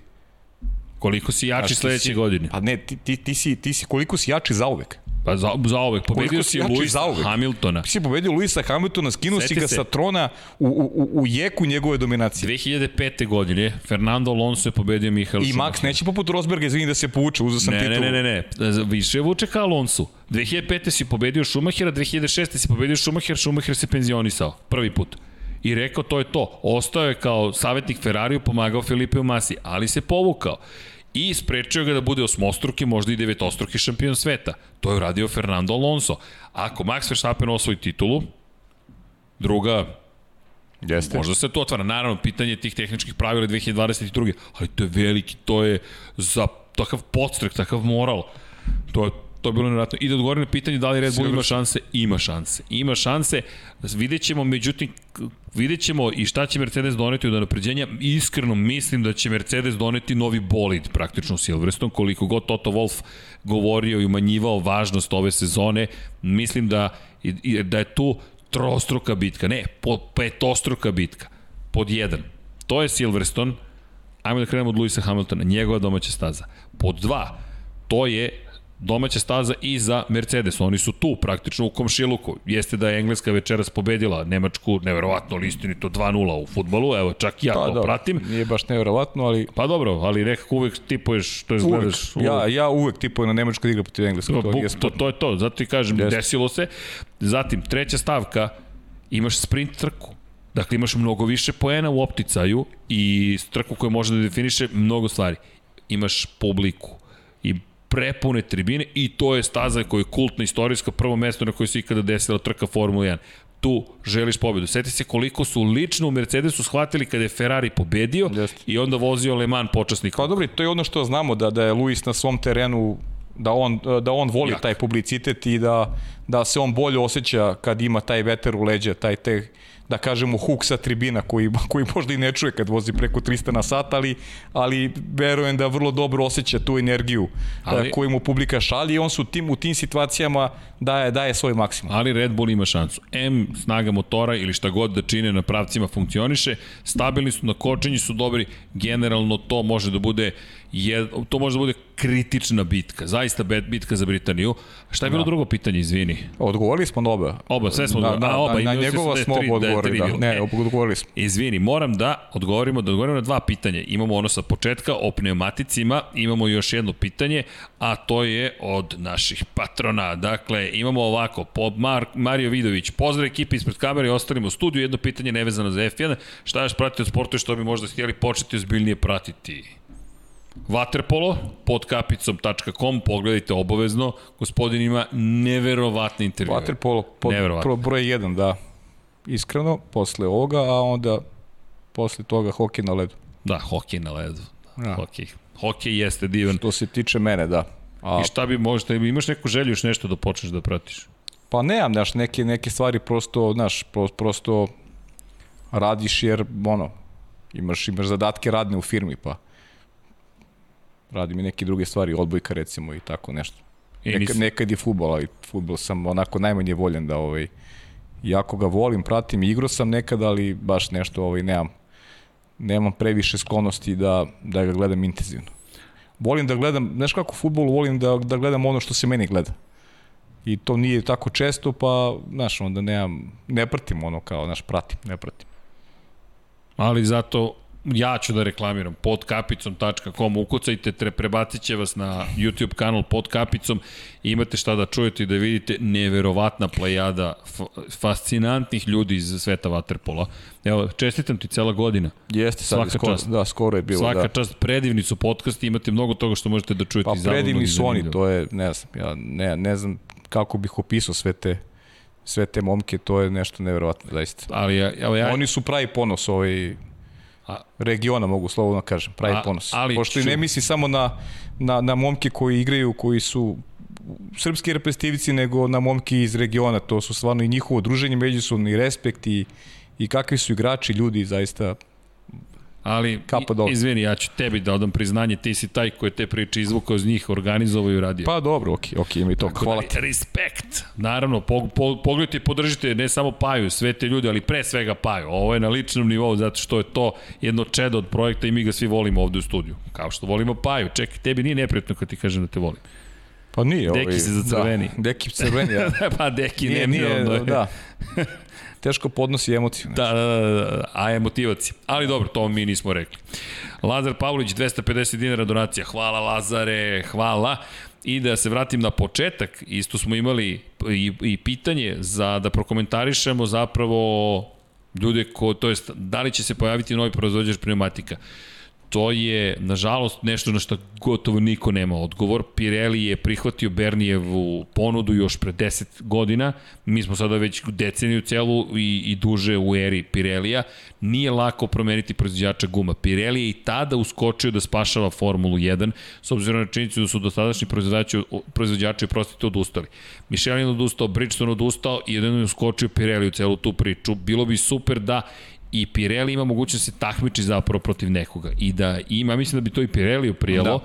međutim, kako sada stvari stoje, to će biti ekskluzivni ugovori, kao i u Moto Grand Prix, tako i u Formuli 1 i veliko je pitanje da li će Pirelli odustati, jer opet to je velika reklama za Pirelli. Imate ove sezone i trke kada nisu baš stvari idealne, ali opet, pa samo prebrite koliko puta smo mi izgovor, izgovorili Pirelli, koliko puta ste rekli Pirelli, konačno šta sve Pirelli može da nauči u celoj priči, ali činjenice da je pre svega marketički projekat u pitanju. Tako da šanse da se pojavi neko drugi su vrlo male, sve je krenulo zapravo od toga što su drugi odustali, Bernie je bio potreban saveznik. Ako pogledate i staze, ovo je sad samo naše tumačenje sa strane, Pirelli ima mnogo reklama duž cele staze. I to se svesno ili nesvesno vidi. I kada čujete Pirelli... Koliko ima reklama? No. Mnogo. Možemo da usporimo snimak. Ali hvala Pireliju, da nema Pirelija, pitanje koliko fotografija bismo legalno imali. Jao, tačno. fotografije. Jao, Vanja, da. možeš da nam baciš onaj Twitterčić, ne, va, Ba- to je ba- Dom Pablo. Dom Pablo je zauzeo Vanjino telo, e, ali e, vratit će se Vanja, pa Kako ćemo... ovo zvuči? Zvuči pa naučno, A? horor filmovi. I moramo Ajde da dok se ne vrati Vranja. e, Vanja, Vranja, Ide, Vranja. Vranja, Vranja, Vanja jede, Vranja. Vanja, e, vidi, vreme je za večeru. Jeste, pa dobro. Jel proteini Vanja ili nešto drugo? Pa to što ti ja ne možemo posle 11 jedemo nije, nije ne, baš zgodno. možemo, ali ne smemo. Da. možemo, Kaže, možemo. David, slušaj, ovo, David Bastelac, kaže, vaše predikcije za ovaj vikend, moja predikcija Lando prvi, Max drugi, treći Perez i poruka četu, udrite like. Hvala. jako. Hvala. Udrite like. Udrite like. Do, do, pazi, pa, pazi, ovo, ovo mi zvuči, ovo mi zvuči Deki, Dekijevski.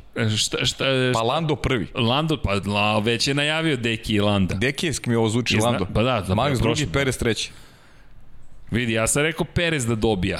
Nisam bio prav, ti si lepo to školski Pa dobro, ja sam, da, ja, sam, odigrao pa ja, sam, odi, ja sam odigrao na sigurno, na sigurno sam Ne, odigrao. baš je bilo teško. Da, da. Ko birajte, Hamilton ili, ili Verstappen? Da. Pitaju me šta želim. Želim onu fotografiju što smo tweetovali, što je startno ciljni pravac, gospodin Isaković, da stavimo da pokaj, molim vas, pa mo, molim vas. Dakle, kad imamo Fire 76, reklamiramo se svugde, ali šta je bilo drugo?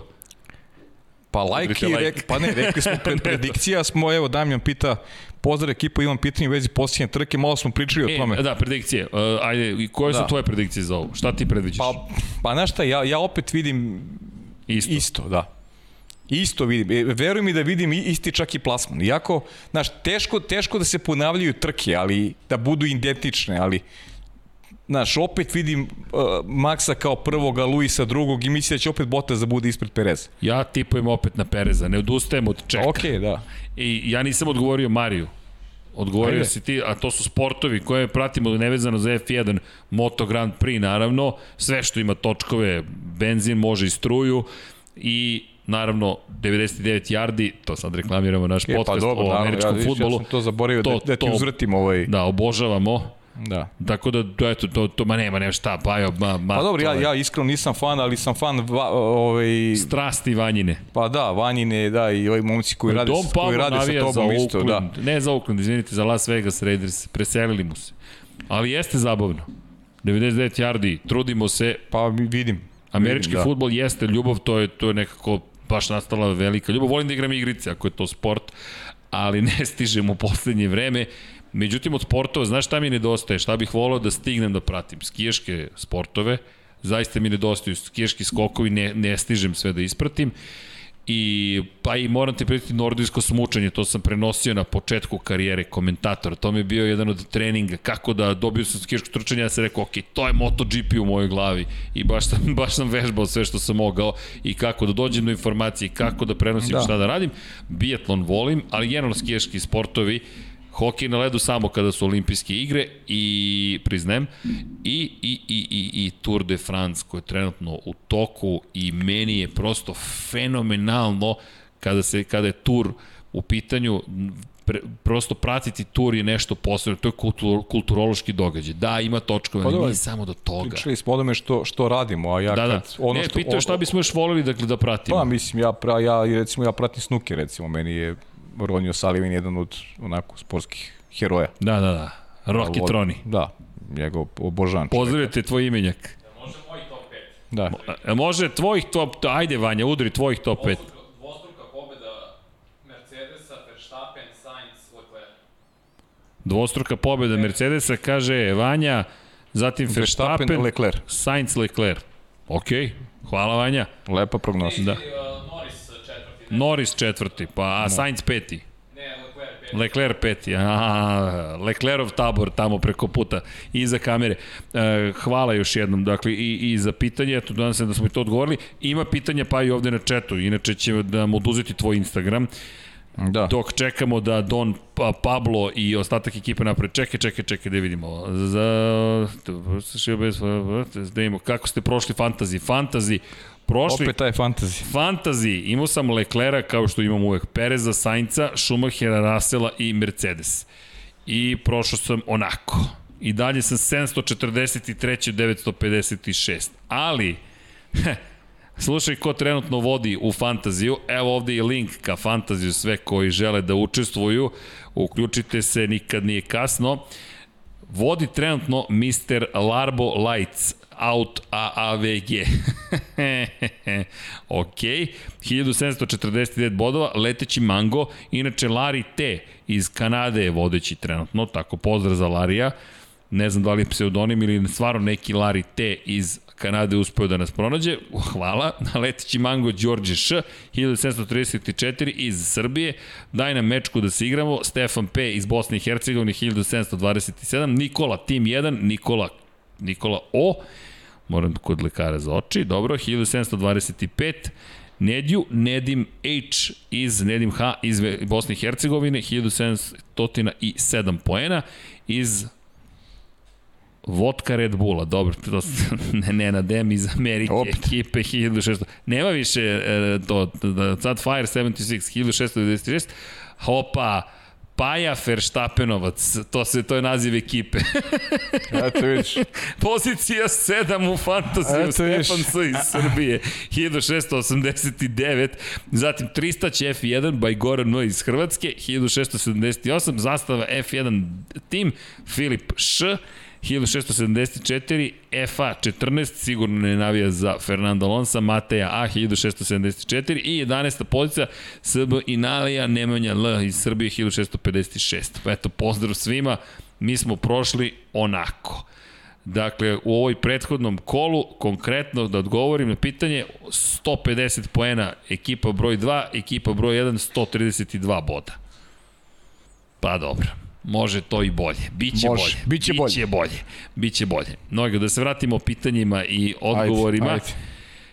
E, postaje napet. A, hvala, hvala, hvala. A ne, ne moraš odatle, stavi baš fotografiju, fotografiju. Mada može i sa Twittera, može.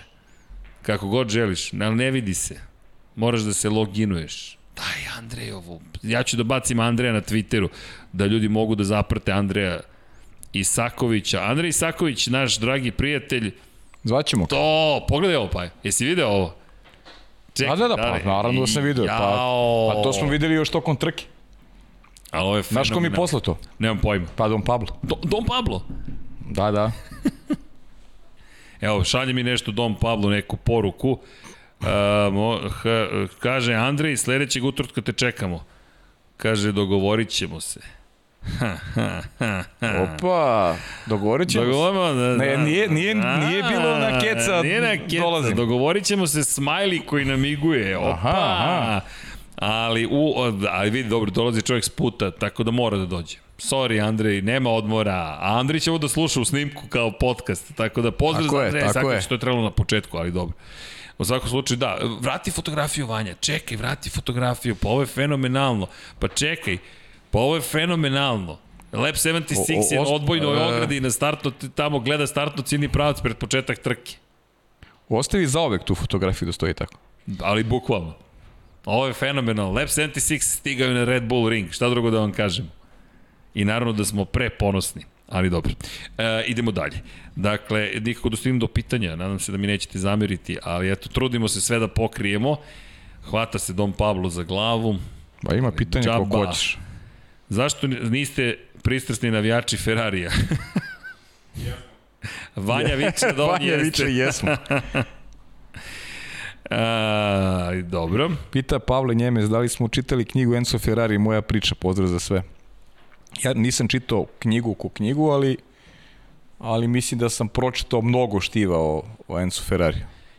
Pa, Im, impresivan ovako život i, i, i cela ta priča vezano život. za Ferrari je pa da, bogat život i privatni i poslovni i, ispunjen. i ispunjen i, i I tragičnim momentima i, i privatnim i poslovnim i tako dalje i pričali smo mislim ovde nekoliko puta i u koliko podcastu sreće šta je je. doneo, a koliko da. nekad nije imao. Pa dobro, ne, kako bih rekao neke stvari ovaj ali ajde, mislim, možemo jednom prilikom, znaš po- kako, ja mislim da je Specijal? specijal, pa mislim da, da je stvarno to za specijal. Jeste. Uh, priča Enzo Ferrariju Ferrari, generalno. priča o Ferrariju generalno, to je za jedan onako specijal i to onako Znam ko poduži će biti specijal. tu. Da. A, Pa zna se. Mora da bude tu. Danas je propustio, dobio udarac na futbolu. Ali Deki. da, ne smem da otkrivam stvari. neki, Pa ja. ti znaš da ja sve otkrivam, ne smete meni da kažete, ja ću sve da otkrijem. Da, da, da sad me grde ovde, ovako mi kažu. To je zato što želim da zovem postavljate, pošaljite jedan a, A to je poljubac zato što Deki, Dekiju na Instagramu. Deki ovaj, Rešio je da da go glavu. znaš kada sam ja batalio igranje futbola? Upravo iz tih razloga. godine. A ne, Pa, ne, ti si prešao hoćeš- 27. To više Pa nisu ono, optimalne godine hoćeš, za hoćeš da pobediš i čak i na malom futbolu, pa a ne ide, znaš, ono da da se cimaš previše. Da, inače Dema, hvala Dema, dve konvertibilne marke, to je bosanske marke, Norris loša taktika, E, sad ali tempo ovo, za podijum. ovo, ovo bez šale, Ali ovo, čekaj. Enzo, Enzo Ferrari i priča o Ferrari, mislim da to, o to tu priču vredi, to, to, vredi to, to, ispričati. je već, da, to, to, to, to si siguran. Da, Pa da. vidi, to, pa, to moramo i ne samo njima, već i u drugima. Mora, ima Jeste. tu puno stvari kojima treba ispričati. Jeste. Ali polako stižemo, ljudi, stižemo, završamo u papirologiju. Inače, Dema pita, hvala za donaciju, Norris loša taktika ili nedostatak tempa za podijum. Ne, ne, nema, ne, tempo nema McLaren. To se videlo u nedelju. Ljudi, McLaren je ispred ostalih, ali ovo što rade Mercedes i Red Bull je nemoguće za ostale. Nemoguće za ostale. Tako da Nešto se izvinja se smeje ovde iza kamera i mislim da odradio najbolji mogući posao. Konačno on je držao jedno vreme iza sebe Serhija Pereza, to je već pokazatelj koliko je Norris bio dobar, ali prosto ne, ne, nisu mogli više od ovoga. Ovo je najbolje od ostatka sveta. Da. E, pazio je Dorijan Tičak, dobro pitanje. E, šta vi mislite, da li staza kao što je Austrija pokazuje ko stvarno ima brzinu, izleči maksimum iz bolida i neki odnos brzine u timu, jer vidimo da se uh, razmaci minimalni, svaka mala greška može koštati do nekoliko mesta. Nije loše zapažanje, zaista. Evo, grde me. Što? Kaže Deki da će da me tuži. Deki. Da. Za otkrivanje javnih podataka. Izvinjam se, ni, ja se šalio, ništa se, de, de, Deki je super i vidimo ga sutra u I ne igra futbol, on, ne, on, nikad i ne igra futbol. Košarku I ne gleda na Liverpool nikad. Da, i uopšte se ne bavi tim sportom. Da. Sad sam se učutao, moram plašim se tužbi. A, šalno na stranu, ne, ti Deki ozbiljno, plašljiv MotoGP, u Moto Grand Prix će biti sutra podcastu, tako da bez brige, tu nam je Deki. Inače, pitanje je dobro, Nikola Niksi, vidite li više promjena guma od iduće sezone uvođenjem novih pravila, nove koncepcije Formula 1? Na početku sezone da, apsolutno. Jer ko će tu znati kako te gume funkcionišu? To će biti sada tu protumačiti Znaš šta što me, mislim da će nas podsjetiti 2022. Hm, zanimljivo, 10 godina kasnije, na 2012. I da će tu biti baš teško prognozirati pobednika, to će biti pitanje ko otključa gume na kojoj stazi. I da će se smenjivati, da će pobeđivati čak i ekipe od kojih to ne očekujemo nužno, pa i vozači od kojih to ne očekujemo nužno. Mislim da je to najveća ona tajna kako izvući maksimum iz pneumatika i da ćemo zapravo videti i više promjena guma ili ekipe koje će moći da menjaju manje. Tako da Nikola Niksi, to su moje očekivanja u prvom delu sezone, pogotovo u prvoj trećini godine, da će biti drugačije. Slažem se. Ovde imamo i diskusiju ko igra na tastaturi, ko kupuje joystick i tako dalje. Deki, e, smem to da kažem, sam je priznao u javnom da, razgovoru da koristi joystick, to je da, da koristi klasične, klasične joystick koji ti dođe uz konzolu, upravljač. Opet, opet Deki. Opet Deki, pa to je ta ljubav. E, zatim, veliki pozdrav ekipi, hvala Paj za preporuku, Elbek i LMČ vrlo dobro pitko štio, bez tolerancije političke korektnosti, vrh Nikola M. Kako ste prošli fantazi, to smo odgovorili. Sviđa mi se što se priča o povećanju nečega što još nije videlo svetlost dana, Nikola Niksi nemam predstavu o čemu pričamo, ali dobro. Za, zatim, čuveni deki sa Instagrama, da, to, da nemam pitanje. Jednog jednog pitanja, možda malo i rano za prognozu. Šta mislite, koje trenutne vozače nećemo gledati iduće sezone? Da li će po vama Russell iduće sezone voziti za Williams? E, i mogu se nadovežem, Branislav Dević pita koga da. vidite u F2 u F1 sledeće sezone. Da, Nemanja da... Kucalović je ovo pitao. Uh -huh. Pa, da za one koji ne znaju, iz Formule 2 ne, mor, ne možete da ostanete u Formuli 2. Dakle, osvajač titule Titul, da. mora da ide iz šampionata. Guanju Zhou trenutno je vodeći. E da, to smo zaboravili. Guanju Zhou će biti ovoga vikenda prisutan umesto Fernanda Alonso u treningu broj 1 na velikoj nagradi Austrije, tako da ćete vidjeti kineskog vozača kako testira. Trenutno drži prvu poziciju i da nadovežemo se na tu vest, Callum Aylot će voziti za Alfa Romeo umesto Kimi Raikkonena u prvom treningu opet u Austriji, kao što je Robert Kubica vozio prethodnog vikenda. Koga vidimo u Formuli 1 iz Formule 2? Ja moram priznati da trenutno uh, Ako se misli na sledeću sezonu, ne vidim nikog iskreno, jer deluje mi kao da su mesta popunjena. A ako pričamo o, o kvalitetima vozača, onda Gbang Zhuzhou je sigurno taj koji bi mogao iz, viš, iz više aspekata da, da, da ovaj, ostvari snove, kao neko ko dolazi sa iz jedne ogromne zemlje, moma koji je talentovan, čak je bio uh, pre dolaska Fernanda Alonso se spekulisalo da bi on mogao da se pojavi uh, u Formuli 1 brže nego što smo što smo mislili realno. A ima tu još svako momaka koji, koji zavređuju pažnju i i Liam Lawson u krajnjem slučaju i Robert Schwarzman koji se oporeo neko lične tragedije, mislim da, da polako ima, ima uspon u formi i Schwarzman i on dolazi iz jedne zemlje koja je sve više prisutna kada govorimo o Formuli 1, o vozačima, uh, evo sad i nova staza 2023. Tako da Schwarzman ima i podršku Ferrari akademije, ali prosto uh, po, dolazimo do, do onog ključnog pitanja mesta. Kako, kako ući, kako ući, a mesta su ograničene. A imamo tu u formuli jedan već imamo momke koje upitno je šta će biti s njima naredne godine. I Cunoda i Mick Schumacher, ne znam, sve onako Talenata ima, to nije sporno. Ima, ali mislim da moramo, da ćemo još dugo čekati. Zašto? Ovo je ispresecana jedna sezona. Sezona u kojoj voze u jednom mesecu, pa ih nema 4 do 5 nedelja. Evo, Baku, trka poslednje je bilo u Baku u Formuli 2, sledeće je u Silverstonu. Neko nisu nisu na, na oko više. Tako je. Znaš, To je koliko, koliko su kao smanjili, ono, skresili kao budžete, tri trke vikendom, ali je bolje kad su bili na oku publici. neprekidno. A i ne samo publici, šefovima timova. pa to pogotovo. Ti sada imaš bitku za titulu šampiona sveta, ti se ne baviš vozačima Formule 1, ti ih čak ni ne Pa srećeš. ne samo to, pa ja, da ja sam zaboravio šta je bilo u prošlom vikendu Formule 2. F- Formula 3 Kad u istoj to? situaciji. Prosto ovaj format meni se is- iskreno i sada kada sve pogledam ne dopada. Više bih voleo Formulu 2, Formulu 3 zajedno sa Formulom 1, pa ukoliko mogu da imaju vikende u kojima su Formula W i Porsche Super Cup, pa da oni nastupaju zajedno, da svako dobije svoj prostor, ali da to ne budu ovakve pauze. Ovo je veoma loše za sve. Niti ih mi vidimo, niti su oni u stalnoj formi Pa sa šta, tim ti, ti bolidima. imaš recimo imaš jedan nonsens, ti imaš Porsche Super Cup koji je prateći u Formuli 1, a nemaš ono što je bitno za Formulu 1. Znači, kakve veze ima Porsche Super Cup sa Formulu 1? Ne, Nikakve. nema, nema Nisu jednosedi, oni imaju veze sa. DTM-om eventualno. To ste ti kažem, logičnije je da Porsche Super Cup ide, ide uz, uz DTM. A pazi sad problem, izvini, u form, ti iz Formule 2 da bi ostao u nekoj formi kao Liam Lawson skačeš u DTM. DTM, tako je. I sad, za razliku od prethodnih godina, gde si ti negovan i bio si vrlo fokusiran na to da se baviš svojom karijerom Formula 2 vozača. Ti možeš iz sebe da izvučeš više. Ako ti stalno voziš isti bolid i ako ti, tu već dolaze finese do izražaja, a onda i ekipe mogu bolje da procene ko je zaista taj vozač. Ovako, ti si u Formuli 2, pa si malo u DTM-u, pa si malo u Formuli 2, pa malo dođeš, odradiš neki trening, možda i Formula 1. M, Mislim da mi je teže postalo da procene na koga da, na koga da se klade. I ovo što pa kaže, pitanje sedišta i još jedan veliki problem – da li želiš neiskusnog vozača u 2022. za upravljačem bolida koji tek dolaze na stazu. Ti sada, pored svih promena koje imaš, ti još prije da imaš i promenu vozača. Dakle, ti si promenio bolid, promenio si gume, više neće biti od 13, bit će od 18 inča.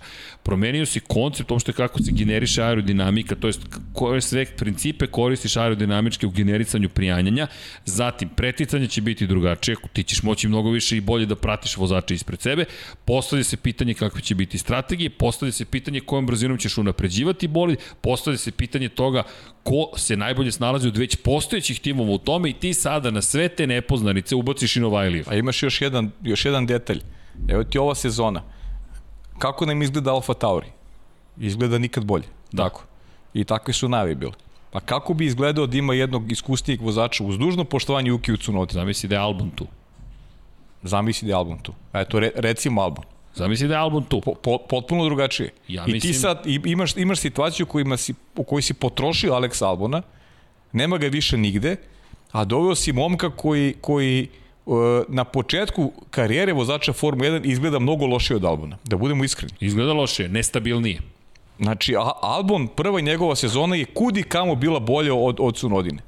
Evo, možemo sad pričamo o uzorku od osam trka, setimo se početak Alex Albon, Alex Albon izgledao mnogo bolje. A mi Albona više nemamo u šampionatu. I sad treba da tražimo mesta nekim novim klincima. Znaš za koga misle će biti mesta sigurno? Za Teo Puršera, ali Teo Puršer je nešto što se ne rađa svake godine.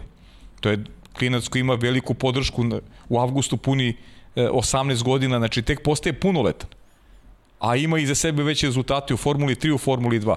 E sad je samo pitanje tog tajminga. Kada Puršera a, a, gurnuti po znacima navoda u, u Formuli 1 i naći mu mesto da će on taj talenat, neosporni talenat potvrditi. A kažem, redki su primeri e, kakav je Teo Puršer, jer iza njega mislim da stoji e, Francuska federacija, već sada momak koji ima i, i sponzore, neko ko je, ko je vrlo interesantan i medijima i tako dalje i tako dalje, tako da Puršera, za Puršera će sigurno biti mesta, ali samo pitanje tajminga. A ovo ostalo je sve nakon na klima i nogama. Da, imamo jedno odlično pitanje, a to smo zaboravili, nismo smeli ovo da zaboravimo. Hvala, GP Balkanci pita zašto ne spomenjemo sastanak čelnika ne timova, već proizvođača motora koji je na programu sada za veliku nagradu Austrije u subotu 3. jula kojim će prisustvovati Porsche i Audi. Da, naše izvinjenje, zaboravili smo mnogo važnu stvar, a to je ove, ove, ovog sada, ove sada subote, ni manje ni više, Ola Kalenius, iz Daimlera, novi čovjek koji je, spre, koji je smenio Dietera Zečeja, to je smenio, preuzeo njegovu ulogu, iz Daimlera će biti prisutan. Luka De Meo iz Renaulta, John Elkan iz Ferrarija, Dietrich Matešić, čovek koji vod, predvodi Red Bull, koji je sada proizvođač motora, ne zaboravimo, pošto su otkupili Hondinu intelektualnu svojinu i sprave fabriku gore u Velikoj Britaniji motora. Stefano Domenicali kao izvršni direktor Formule 1, Ross Brown kao predstavnik Formule 1, Jean Todt, predsednik Međunarodne automobilske federacije i, i Oliver Blum iz Porschea i Markus Doisman iz Audija, koji će se pridružiti. Ogromna vest, ogromna vest. Porsche, Audi pripadaju Volkswagen grupaciji. Sastanak je povodom razvoja motora od 2025. koji će biti korišćeni u Formuli 1. I ovo je sastanak koji definiše budućnost. Sastanak u kojem najmoćniji ljudi gotovo autoindustrije će biti prisutni. Mi ovde govorimo o moćnicima među moćnicima. Dakle, govorimo o samom vrhu tih megakorporacija gde treba da sednu i da se dogovore šta sada. Mi trenutno imamo hibridne motore od 1,6 litara V6, dakle 6 cilindara, motori su unutrašnje sagorene 1600 kubičnih centimetara zapremina, imamo dva motor generatora, jedan motor generator se nalazi na zadnjim, na zadnjim točkovima, to jest putem sistema zupčanika je povezan sa, sa, sa praktično pogon pogonom, to jest motorom sa unutrašnjim sagorevanjem i šta je njegova uloga da generiše električnu energiju iz kinetičke energije koja se oslobođa prilikom kočenja, dakle na zadnjim točkovima, i da bude motor u momentu kada je neophodno dati dodatnu elektri, elektropogu, dodatnu snagu, do 160 kW imate mogućnosti na zadnje točkove. S druge strane imamo motor generator koji se nalazi na turbokompresoru, to jest na osovini na kojoj se nalaze turbina i kompresor. Turbinu pokreću izduvni gasovi iz sistema, to jest motora sa unutrašnjim sagorevanjem, koja, kada je generator, generiše opet električnu energiju, sve ide u istu bateriju, elektronika je tu vrlo zanimljiva, kada pokrećete, kada to pretvarate u motor, kada je generator, kada je to motor, kada je neophodno izbeći takozvanu turbo rupu, to je to, to, prosto kašnjenje u odzivu na dodavanju gasa, šta je uloga kompresora, da kompresuje vazduh i da taj komprimovani vazduh potom naravno se ubrizga u motor sa unutrašnjim sagorevanjem. Tako se i dobija snaga koju trenutno oslobađaju od 1000 konjskih snaga u motorima Formula 1, gde je iskorišćenost zapravo motora sa unutrašnjim sagorima od 1600 kubita takva da imamo, imamo 850 konjskih snaga iz tog motora. E sad, sve to je do sada funkcionisalo. Dakle, 2 MGU, MGU-H hit, MGU-K kinetička energija i koji je jedna druga kinetička. To hit je zapravo samo zahvaljujući tome što su vreli gasovi, ali ne koristimo mi toplotu gasova, mi koristimo zapravo opet kretanje, to jest opet mi koristimo kinetiku zapravo da generišemo struju, a motor, naravno motor kao motor, prosto trošite električnu tu istu energiju koju ste generisali da biste pokrenuli turbinu, da biste pokrenuli zadnje točkove. Elektronika igra važnu ulogu u celoj toj priči kada se dopunjuje, kada se prazni baterija i naravno hlađenje, to jest grejanje celog tog sistema. I još treba da spakujete šest izduvnih cevi da ih nekako ohladite u svemu tome šta je sada na programu? Na programu je da se pređe na neku malo jednostavniju tehnologiju, V6 i dalje bi trebalo da bude korišćen, ali eko goriva, inače od sledeće sezone već počinjemo da ih koristimo, i veća baterija, kako bi moglo da se koristi više električne energije, a i naravno da se više regeneriše te energije prilikom kočenja ili koji god sistem budu primenili. Priča se da će MGUH biti eliminisan, ne znamo, I stoga je taj sastanak veoma značan. Da, hvala GP Balkanci, to nije trebalo da zaboravimo od uzbuđenja u šampionatu, zaboravili smo budućnost šampionata, a velika je vest i tu je zapravo priča sada vrlo intrigantna sa pojavom Porschea i Audija, šta sad? A znamo da Porsche ima svoje motore koje može da sad, što kaže Deki, baš priča o tome da skine ovako s police V6 i kaže, evo izvolite, gde ste to koristili? Pa to smo naš V4 sa 24 časa Lemana malo povećali za 50% i napravili motor koji može sutra, sad u ovu hibridnu Formulu 1 da se ubaci, ali to ne čine. Tako da da, bit će vrlo zanimljivo u subotu šta će nam tići iz Austrije. Hvala GP Balkanci. Da ne zaboravimo, to je ogroman moment. Šta još imamo? Koje su nam prognoze što se tiče Fetela i šta da uradi do kraja sezone? Fetel, evo Dom Pablo plače, pa biće među osvajačima poena i biće među osvajačima poena i mislim da je pa je to već rekao jednom, otvorit će se još neka šansa kao u Baku da bude u samom vrhu. Da li Baš. jedna ili dve, Fetel je je to. Fetel, nikad ga ne treba otpisivati, je. to je ono što smo pričali i, i koliko, koliko bude uspevao Aston Martin da napreduje kao ekipa, to će da iskoristi neko ko, ko to zna da radi, a Sebastian čovjek je pravi, čo, pravi na pravo mesto, eto, to je to. Jeste. Ma nema dilema. Kristijan Kordić pita može li Lando nastaviti sa svojim rezultatima ako Mercedesov motor bude pouzdan.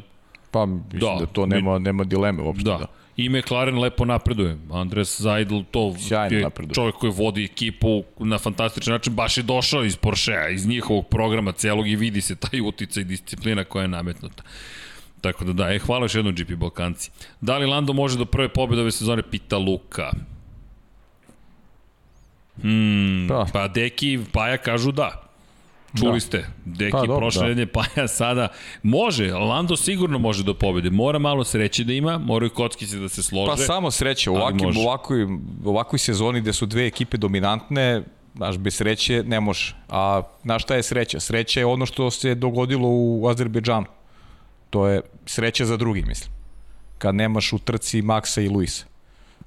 Kao što je Perez eto imao taj moment, ali mislim moment sreće koji je dobrom vožnjom i, i ovaj, negde zaslužio, a to Lando može da da uz neku dobru vožnju da se nada. Ma znaš šta će biti zabavno? Hungaroring će biti zabavan. Ma, ali pazi, posle Velike Britanije, posle Da. bitke za Britaniju, mi dođe, dolazimo na Hungaroring gde Ferrari će imati svoju šansu. Imaće tu, imaće tu i i McLaren, imaće tu, tu može da dođe do nekih tektonskih poremećaja. Dom Pablo mi ne veruje za Ferrari. Samo pratite. Da, da, da, Ferrari sigurno na toj stazi. 100%. Na toj stazi sigurno Ferrari. Ej, vidi, dobro pitanje. Nadin Osman Hodžić. Mene zanima, za, pošto pratim od skoro F1, kako to da svoj tim nemaju Porsche, BMW, Audi, a imaju Alfa Romeo i Haas? Mm. Suštinski jednostavno. Alfa Romeo i Haas se ne bore za titule i za pobede. Da biste se borili za titul i za pobede, morate da budete mnogo bolje organizovani, mnogo ozbiljni, mnogo i potkovaniji budžetski. Uvođenjem ograničenja budžeta neke od tih prepreka će biti smanjene, ali vi dalje možete da trošite beskonačno mnogo novca na ljudstvo. Tako da, to jest ne beskonačno, ali možete da trošite koliko vam budžet dozvoljava kompanijski na vozače, na primjer, možete da, voz, da trošite na drugi ljudi. Tako da tu još uvijek postoji ozbiljna ozbiljna razlika između malih i velikih timova. Nismo došli još do, do, do sistema kao u američkom futbolu gde imate, to je vam je za ljudstvo, vam je toliki budžet. Ali to nije tehničko-tehnološki sport kao Formula 1. Da, tamo tehnologija igra svoju ulogu u razvoju kacigi, zaštitne opreme, kopački i tako dalje. Međutim, nije u biti, u osnovi svoj nije tehnički tehnološki sport. Tako da, BMW, Porsche, Audi da se pojave i da budu poslednji i da ih ismevaju, Pa da. Nema šanse. A da bi uspeli, potrebni su budžeti. Honda je ulagala pola milijarde godišnje ne bi li razvijala motor. Evo tek sad je došlo od toga da je razvijala dovoljno dobar motor. A to je od 2015. godine.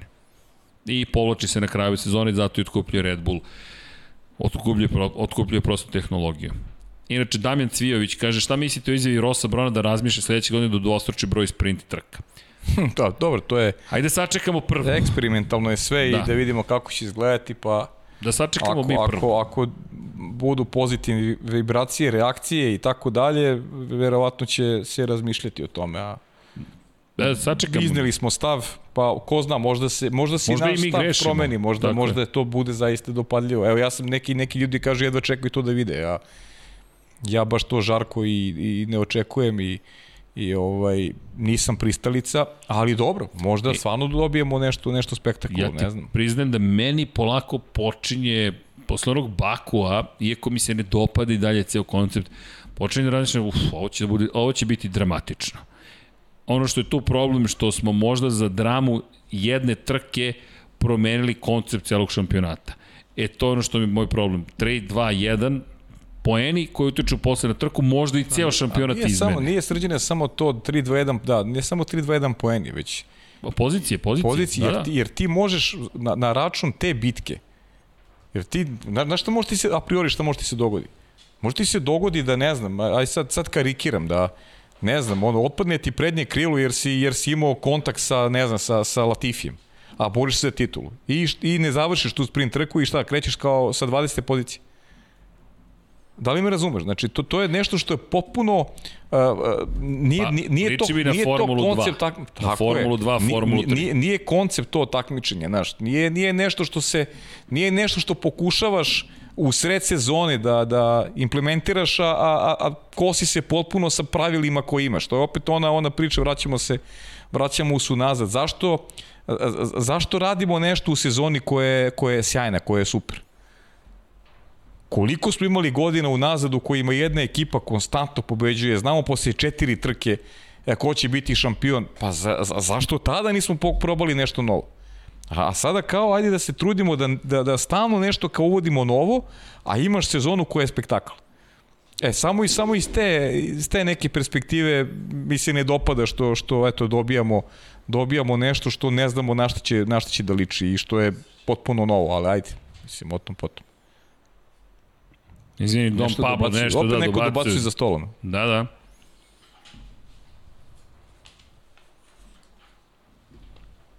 Poruka za mene. Da. Prvih osam po, a, trka.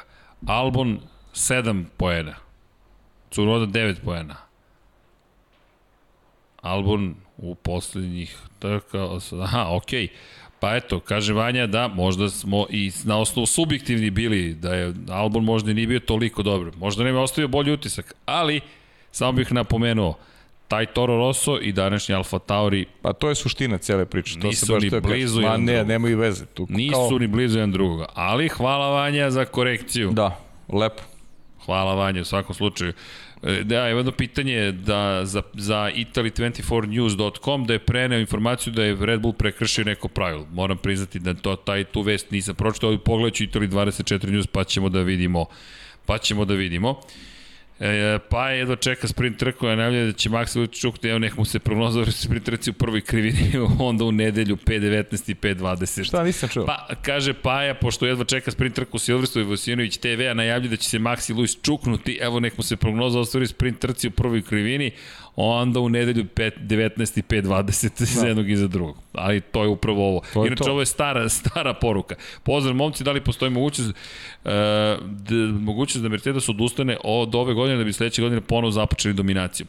Pa Toto Wolff je to rekao, ali onda ga je James Allison opovrgao da je njegov rođeni tehnički direktor rekavši da spremaju veliki broj ti- unapređenja. gde odustaješ od Ja ne vidim da oni titulu, odustaju. Pa ne, nema šanse. Preveliki rizik, čak i u, znate kako, ne možete da isplanirate tek tako dominaciju u Formuli 1. Kada je steknete, nije ni čudo da se Mercedes grčevito bori. To vam je, hajde, možda nije lepo poređenje Pa prema ne bi, to, Mercedesu. ne bi to radili, oni ne bi to radili da, da žele da odustanu. Pa vidi, znaš na šta to meni liči? Nije lepo poređenje, ali mislim da može da bude adekvatna možda rešenost da se ostane. To je kao političar, došao si na vlast, ne puštaš, bukvalno ne puštaš, ne daš da se promeni sistem koji tebi odgovara i to je to. A sistem se neminovno menja sledeće godine i u toj celoj situaciji Mercedes baš- ne može da bude 100% siguran. baš neko ne, nije neko, pa nije, nije ne, ne, ne, ne želim da vređam Mercedes, nego samo prosto taj, taj grčeviti moment. Došao si bukvalno na prvu poziciju i ti sada, zašto bi je pustio? Pa naravno, pa dobro. Zato ćeš investirati ovu godinu koliko god možeš. Pa Buk- hoće, naravno. Pa mislim, to je... Mislim da je, da je, da je naivan pogled. Svako ko, ko pomisli uopšte da Mercedes neće da se bori do kraja za šampionsku titulu. Nikola M. Džaba pitanje kad na jedno pitanje odgovaraju 10 minuta. Šta ćete kad smo temeljni, ne zamerite? Evo, pokušat ćemo da se malo ubrzamo. Evo, Boris kaže Latifiju rođendan, kaže ajmo čestitke. Čestitke, Boris Trutin. čestitke Sjajno. Latifiju, nismo Čestitke, ispratili da, to. dobro, dobro. Čestitke. 20 minuta na jedno pitanje, Nikola Ma. Pa sad i vi preterujete, nije baš 20 minuta. Da li Russell ima šanse da bude u drugoj trci Austriji? Veliki pozdrav od Nemanje Sušića. Ima, sigurno. Ako bude vozio kao prethodnoj, sigurno da ima. Pričali smo, Aldine, o Audi i Porscheu. Možda je čak i to možda je čak isto pitanje koje si ti. Da, evo poruka Da li za mislite da. Linz može do osmog mesta u konkurenciji konstruktora, pita Luka Bošković. Pa mislim, Da li može da? do osmog mesta u konkurenciji Ko? konstruktora. Williams? Da, Williams. Može. Ja mislim da će, William, da će Russell najzad imati sreće u trci. Bukvalno se nadam da će, da, ne nadam, verujem da će imati. Ja to sad se malo ubrzo, makar ja svojim ovim pitanjem. Šta je steo ti, kaži? E, šta sam ja hteo, da, ovde je neko takmičenje, Da, imaš poruku da pratiš MotoGP od dodatnih sportova. Aha, pa dobro, mislim, MotoGP pogledam, naravno, nije, nije to sporno. Da, i na, interesuje me vaše mišljenje o 1989. godini oduzeti pobjede Arturu Seni diskvalifikacije, da li je to jedna od najkontroverznih odluka FIA ikada pozdrav za sve u studiju. Pozdrav Dimitrije, Pa jeste jedno od najkontroverznijih. Kontroverzan je ceo način na koji se desila, da je Alan Prost otišao u kontrolni toranj, pričao sa Jean-Marie Pa da, Balestreom tome, da. i da je da ste vidite televizijski snimak kako čovjek utiče i da se odluka donosi na sred staze, da se oduzima pobeda i da je to na nivou besmislice. Zaista besmislice, ali ostalo je prosto kao deo istorije. E, Pozdrav ekipa, kako komentarišete da se staze nalazi generalno u severnoj hemisferi, šta se dešava sa stazama u Indiju i severnoj, severnoj Koreji? U Indiji i Severnoj Koreji. U Severnoj Koreji trke biti neće. To, budi, to budite 100% sigurni. Dakle, to 100%. U Južnoj Koreji te tu već postoji staza. I ne želimo da bude. Da, jeste da Trka je u Južnoj. Koreji, od, odmah da, da budemo jasni. A ne zbog Južne Koreje. Ne zbog Južne mesto Koreje. koje su izabrali za stazu A to je, je pa, katastrofa. problematično. Tamo je Katastrofa. planirano da nastane ceo grad. A to, ja ne znam ko je to smislio. Napraviš stazu trkačku i onda nacrtaš u nekom 3D softveru grad okolo i kažeš e tu će sad da Ma ne, nastane ono je jezivo bilo, ono je, znači, ono gleda 10 ljudi gleda, ono je Pa, baš... samo brodogradilište je bilo u blizini, bukvalno gledaš i pitaš što će doći Pa, majstori to, sa ti- to brodogradilišta. imaš prosto, imaš ti tih e, tržišta, misli, zemalja koje jednostavno nemaju dodirnih tačaka sa, sa, sa, uopšte sa, sa sportom. Mislim sa sportom. Sa tim sportom, sa formulom konkretno. A pritom, Nažalost, pritom treba nema, da doputuješ... Nema, bez publike nema. Ma nema nema ništa, bez takmičenja. publike Čak ni nema. sada ne bi Ma bilo ništa. zanimljivo. E, šta se dešava sa stazama u Indiji, da odgovorimo na to? Pa prosto nije, nije se desio taj boom koji su želeli. Imali su i taj program 1 u milijardu, iz njega je došao Džehan Daruvala, njega možemo Jeste. da pratimo u Formuli 2, ali još nije stigao indijski vozač u Formuli 1 ponovo. To čekamo, Force India je prestala da postoji umeđu vremenu. Ali recimo, eto, Jack Andaruvala koji Veoma zaboravio dobar vozač. Jeste, dobar vozač. veoma dobar nema vozač. mesta za sve, nema, Jeste. ne, nema gde da vozi. To što su sve na severnoj hemisferi, Afrika, nažalost, ne dobija svoju šansu. Niti u Moto Grand Prix, niti u Formuli 1 i da li će dobiti, nemamo, nemamo, mi navijamo da se to desi. Mi navijamo da se to desi. Kako je prošla Kenija? Je li, je bio reli, jeste? Uh, Rally Kenije nisam ispratio, pravo da ti kažem, da je bio. evo, di, di, moram ti priznati da, eto, to je jedna od stvari koju nisam Da, ispratio. Eto, da. Dekija možemo da pitamo, to je negde na, na liniji je. Da. Mislim da je Sebastian Loje pobedio, ako si ja dobro vidio neki naslov, ali čini mi se. Ali nisam siguran. Ne. Ne, u svakom slučaju, Paja, treba imaš zahtev za Snooker podcast. Ako se ikad odlučite Nikola Nix i Muki Alex za podcast, zovite mislim, to. Ima, ima ljudi, znate koliko ima? Ima dosta i kod nas na klubu koji ljudi koji prate ovaj. Jedan je otišao Baki, recimo Pralice, ja s njim volim Stvarno? gleda. Baki baš voli isto da gleda ovaj. Ali mora kaže da kolege koji rade, Moramo da nabavimo prvo Snooker 100 Paja ovde. da, Ne znam gde će da stane. Pa mi kad smo bili ono klinci igrati snooker je to je bilo nemoguća misija. Sad ima snooker kluba ako hoćeš. E, da, čekaj, jao, pa nije, da, ni, nisam fair ovde, nismo ubacili da postavimo pitanje ko pobeđuje u nedelju. Opa! Može. Dakle, šta pitamo? Šta pitamo? Max Verstappen, Lewis Hamilton, Pa stavi više opcije. ima četiri. Valtteri, Aha, Valtteri, pa Sergio. Valtteri Bottas, Bottas i Sergio Perez. Pa da. Ne zamerite, ali Ili neko peti, ajde. pa ne možemo da stane. Ili da stavimo, ne, umjesto Serhija Pereza neko peti, neko četvrti. Da, može. Pa hajde da, tako da da, bude više opcija, da. Pa da, da ne bude baš... Da se naljuti na jači Ferrari. Da se naljuti Vane, Vanja. Pa dobro, ali to sve je Valjda on tipu podvedeno, na Mercedes. sve, sve to podvedeno pod neko četvrti. Evo, pitamo vas, pa udrite ukoliko ste raspoloženi na glasanje, pokazujemo i ovde neke stvari. E, Da, evo, Reli, Dejan Potkonjak odgovara e, citatom sa Twittera, Reli je jedno veoma zanimljivo takmičenje u kojem na kraju uvek pobedi Sebastian Ožije. A Ožije, da, Ožije, bravo. Ožije, nisam, Ožije. nisam, priznajem greh. Da, negde sam kao da sam vidio neki naslov, ono, a nisam ni ja ispratio, realno. Ožije, da. Da, tako da eto, eto odgovora. Šta još ima? Ne, interes me je da, da, da li sam propustio, ko zna koliko sam pro... Oha, sad mi je iskrolovao sve. Evo, ide ovde glasanje u toku, 16 za 60%, 17. Udrite glasu, ljudi, udrite i like takođe, zašto da ne? Evo, rekoh, ne morate ni da postavite anketu. Kaže Kristijan Kordić, da li može Gasli do nekog podijuma uskoro? Pa eto, možda i u Austriji čak. Ej, da li misliš da zaista može? Mislim. Mislim da može. Nisam tipovao na to, ali mislim da može. Da, inače, trenutno 116 ljudi je glasalo 60 od 100, 120 za Maxa Verstappena. Hamilton 16, neko četvrti 15, Valtteri Bottas 9. Oj, neko četvrti me sad kopka, ko bi mogao... I da stavimo sledeću anketu, ko je neko četvrti?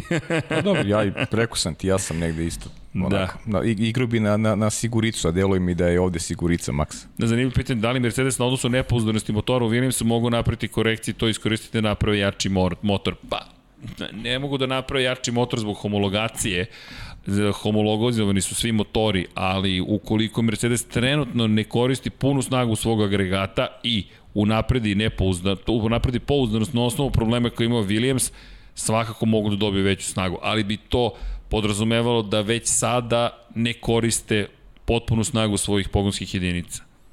Tako da, ne znam. Da li mislite da ovaj vikend Perezov vikend uz malo sreće? Janko, Janko, ja duboko verujem da će Perez biti na poziciji broja 1. Ne znam zašto. Ne znam zašto, ali to mi nekako prosto deluje da će se tako dogoditi. Pa jo, imaš ti još neko pitanje? Mada, već smo na 3 sata, na Da, 2 znam. sata i 40 minuta, pa Čekaj, polako samo moramo da li, da se Da li imam? pozdravljamo, ali Pa ne, evo, pitao, postio sam ovo. Čekaj, ima nešto Deki Andres piše puno. A da, piše mi ovde, Ožije pobedio mnogo izletanja, pucnja guma, lomljenje amortizera, mnogo prašine, jedan od najtežih relija. Hvala Deki na Deki Andrić. E, ja bih iskoristio još jednu, prili, još jednu stvar da, da, da povedem, Ajde. a to je zapravo da smo mi danas, ako se ne vatam, ono što sam ispratio, što sam uspio da ispratim, da ono što je fenomenalno, Mark Cavendish, za one koji vole sport, ne znam da li si vidio, pobedio na etapi. A pobedio na etapi, da. Pobedio na etapi. Ko je to? Je neka druga, treća, šta? Ovo je, ali Tek je 31. počelo. njegova pobeda u etapama. Da, I dobro, to on je- on posle koliko, tri godine ili tako nešto da je pobedio, ali vidim koliko ljudi koji vole biciklizam, zaista ga prate, su bili danas srećni. Baš dobro, to veliki su- broj ljudi je proslavio pobedu i svaka čast Marku Stari, Cavendish. stari sprinter. Jeste, ali svaka mu čast. Hoćemo polako da se pozdravljamo.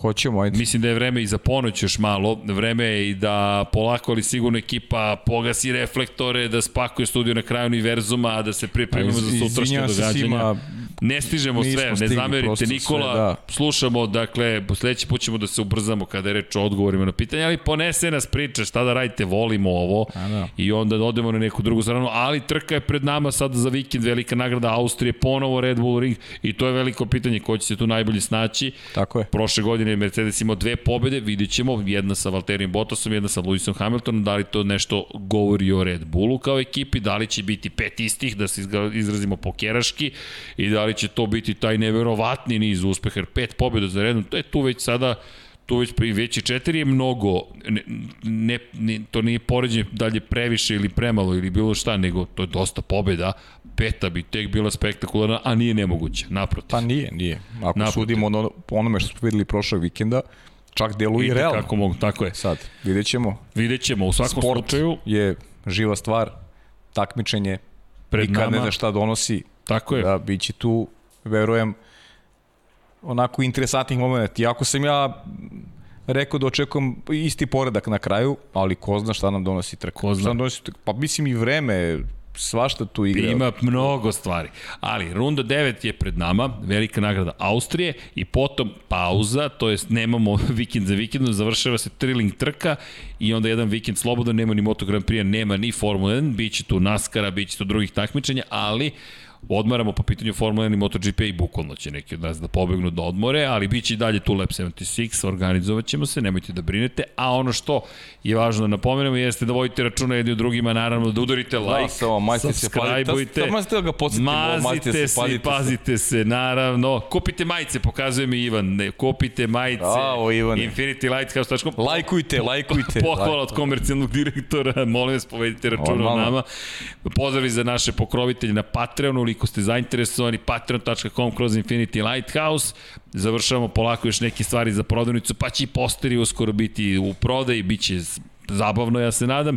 Imamo još neke iznenađenja koje spremamo. Naravno, podržite Luku 928 na 30-30 ukoliko ste u mogućnosti u Švajcarskoj, ukoliko samo da proverim ko je tačno za Švajcarsku, da ne napravim grešku, inače pošaljite SMS Human 2928 na 455. Ukoliko želite se razgledati, idite u bioskop, eto, mi smo prijatelji sada sa ni manje ni više Vin Dieselom. Tek kad bude video kako vozimo, Fast and Furious Dead, to vam je čista rekreativna zabava, dakle, po- potpuno, nemojte da očekujete realnost, očekujte nadrealnost, dalijevski, ali zabavno odete malo, upali se klima, jedete kokiće, uživate. S druge strane, Hvala još jednom svim pokroviteljima, Varti takođe i kao što smo rekli, bazite se, pazite se, evo, Maja, mazi akumulator, vodite računa jedni od drugima, budite dobri, čestitke Marku Kavindušu, čestitke Nikolasu Latifiju na rođendanu i pozdrav za našeg dekija Potkonjaka koji je super i nadamo se da ćemo se družiti lepo sutra kada dođe vreme za Moto Grand Prix i Lab 76 broj 111 specijal posvećen Rubenu Ćausu. Šalim se, nije, ali to jeste njegov broj. Spomenut ćemo ga sutra. U svakom slučaju, ljudi, laka noć i Ćao svima! Ćao ljudi.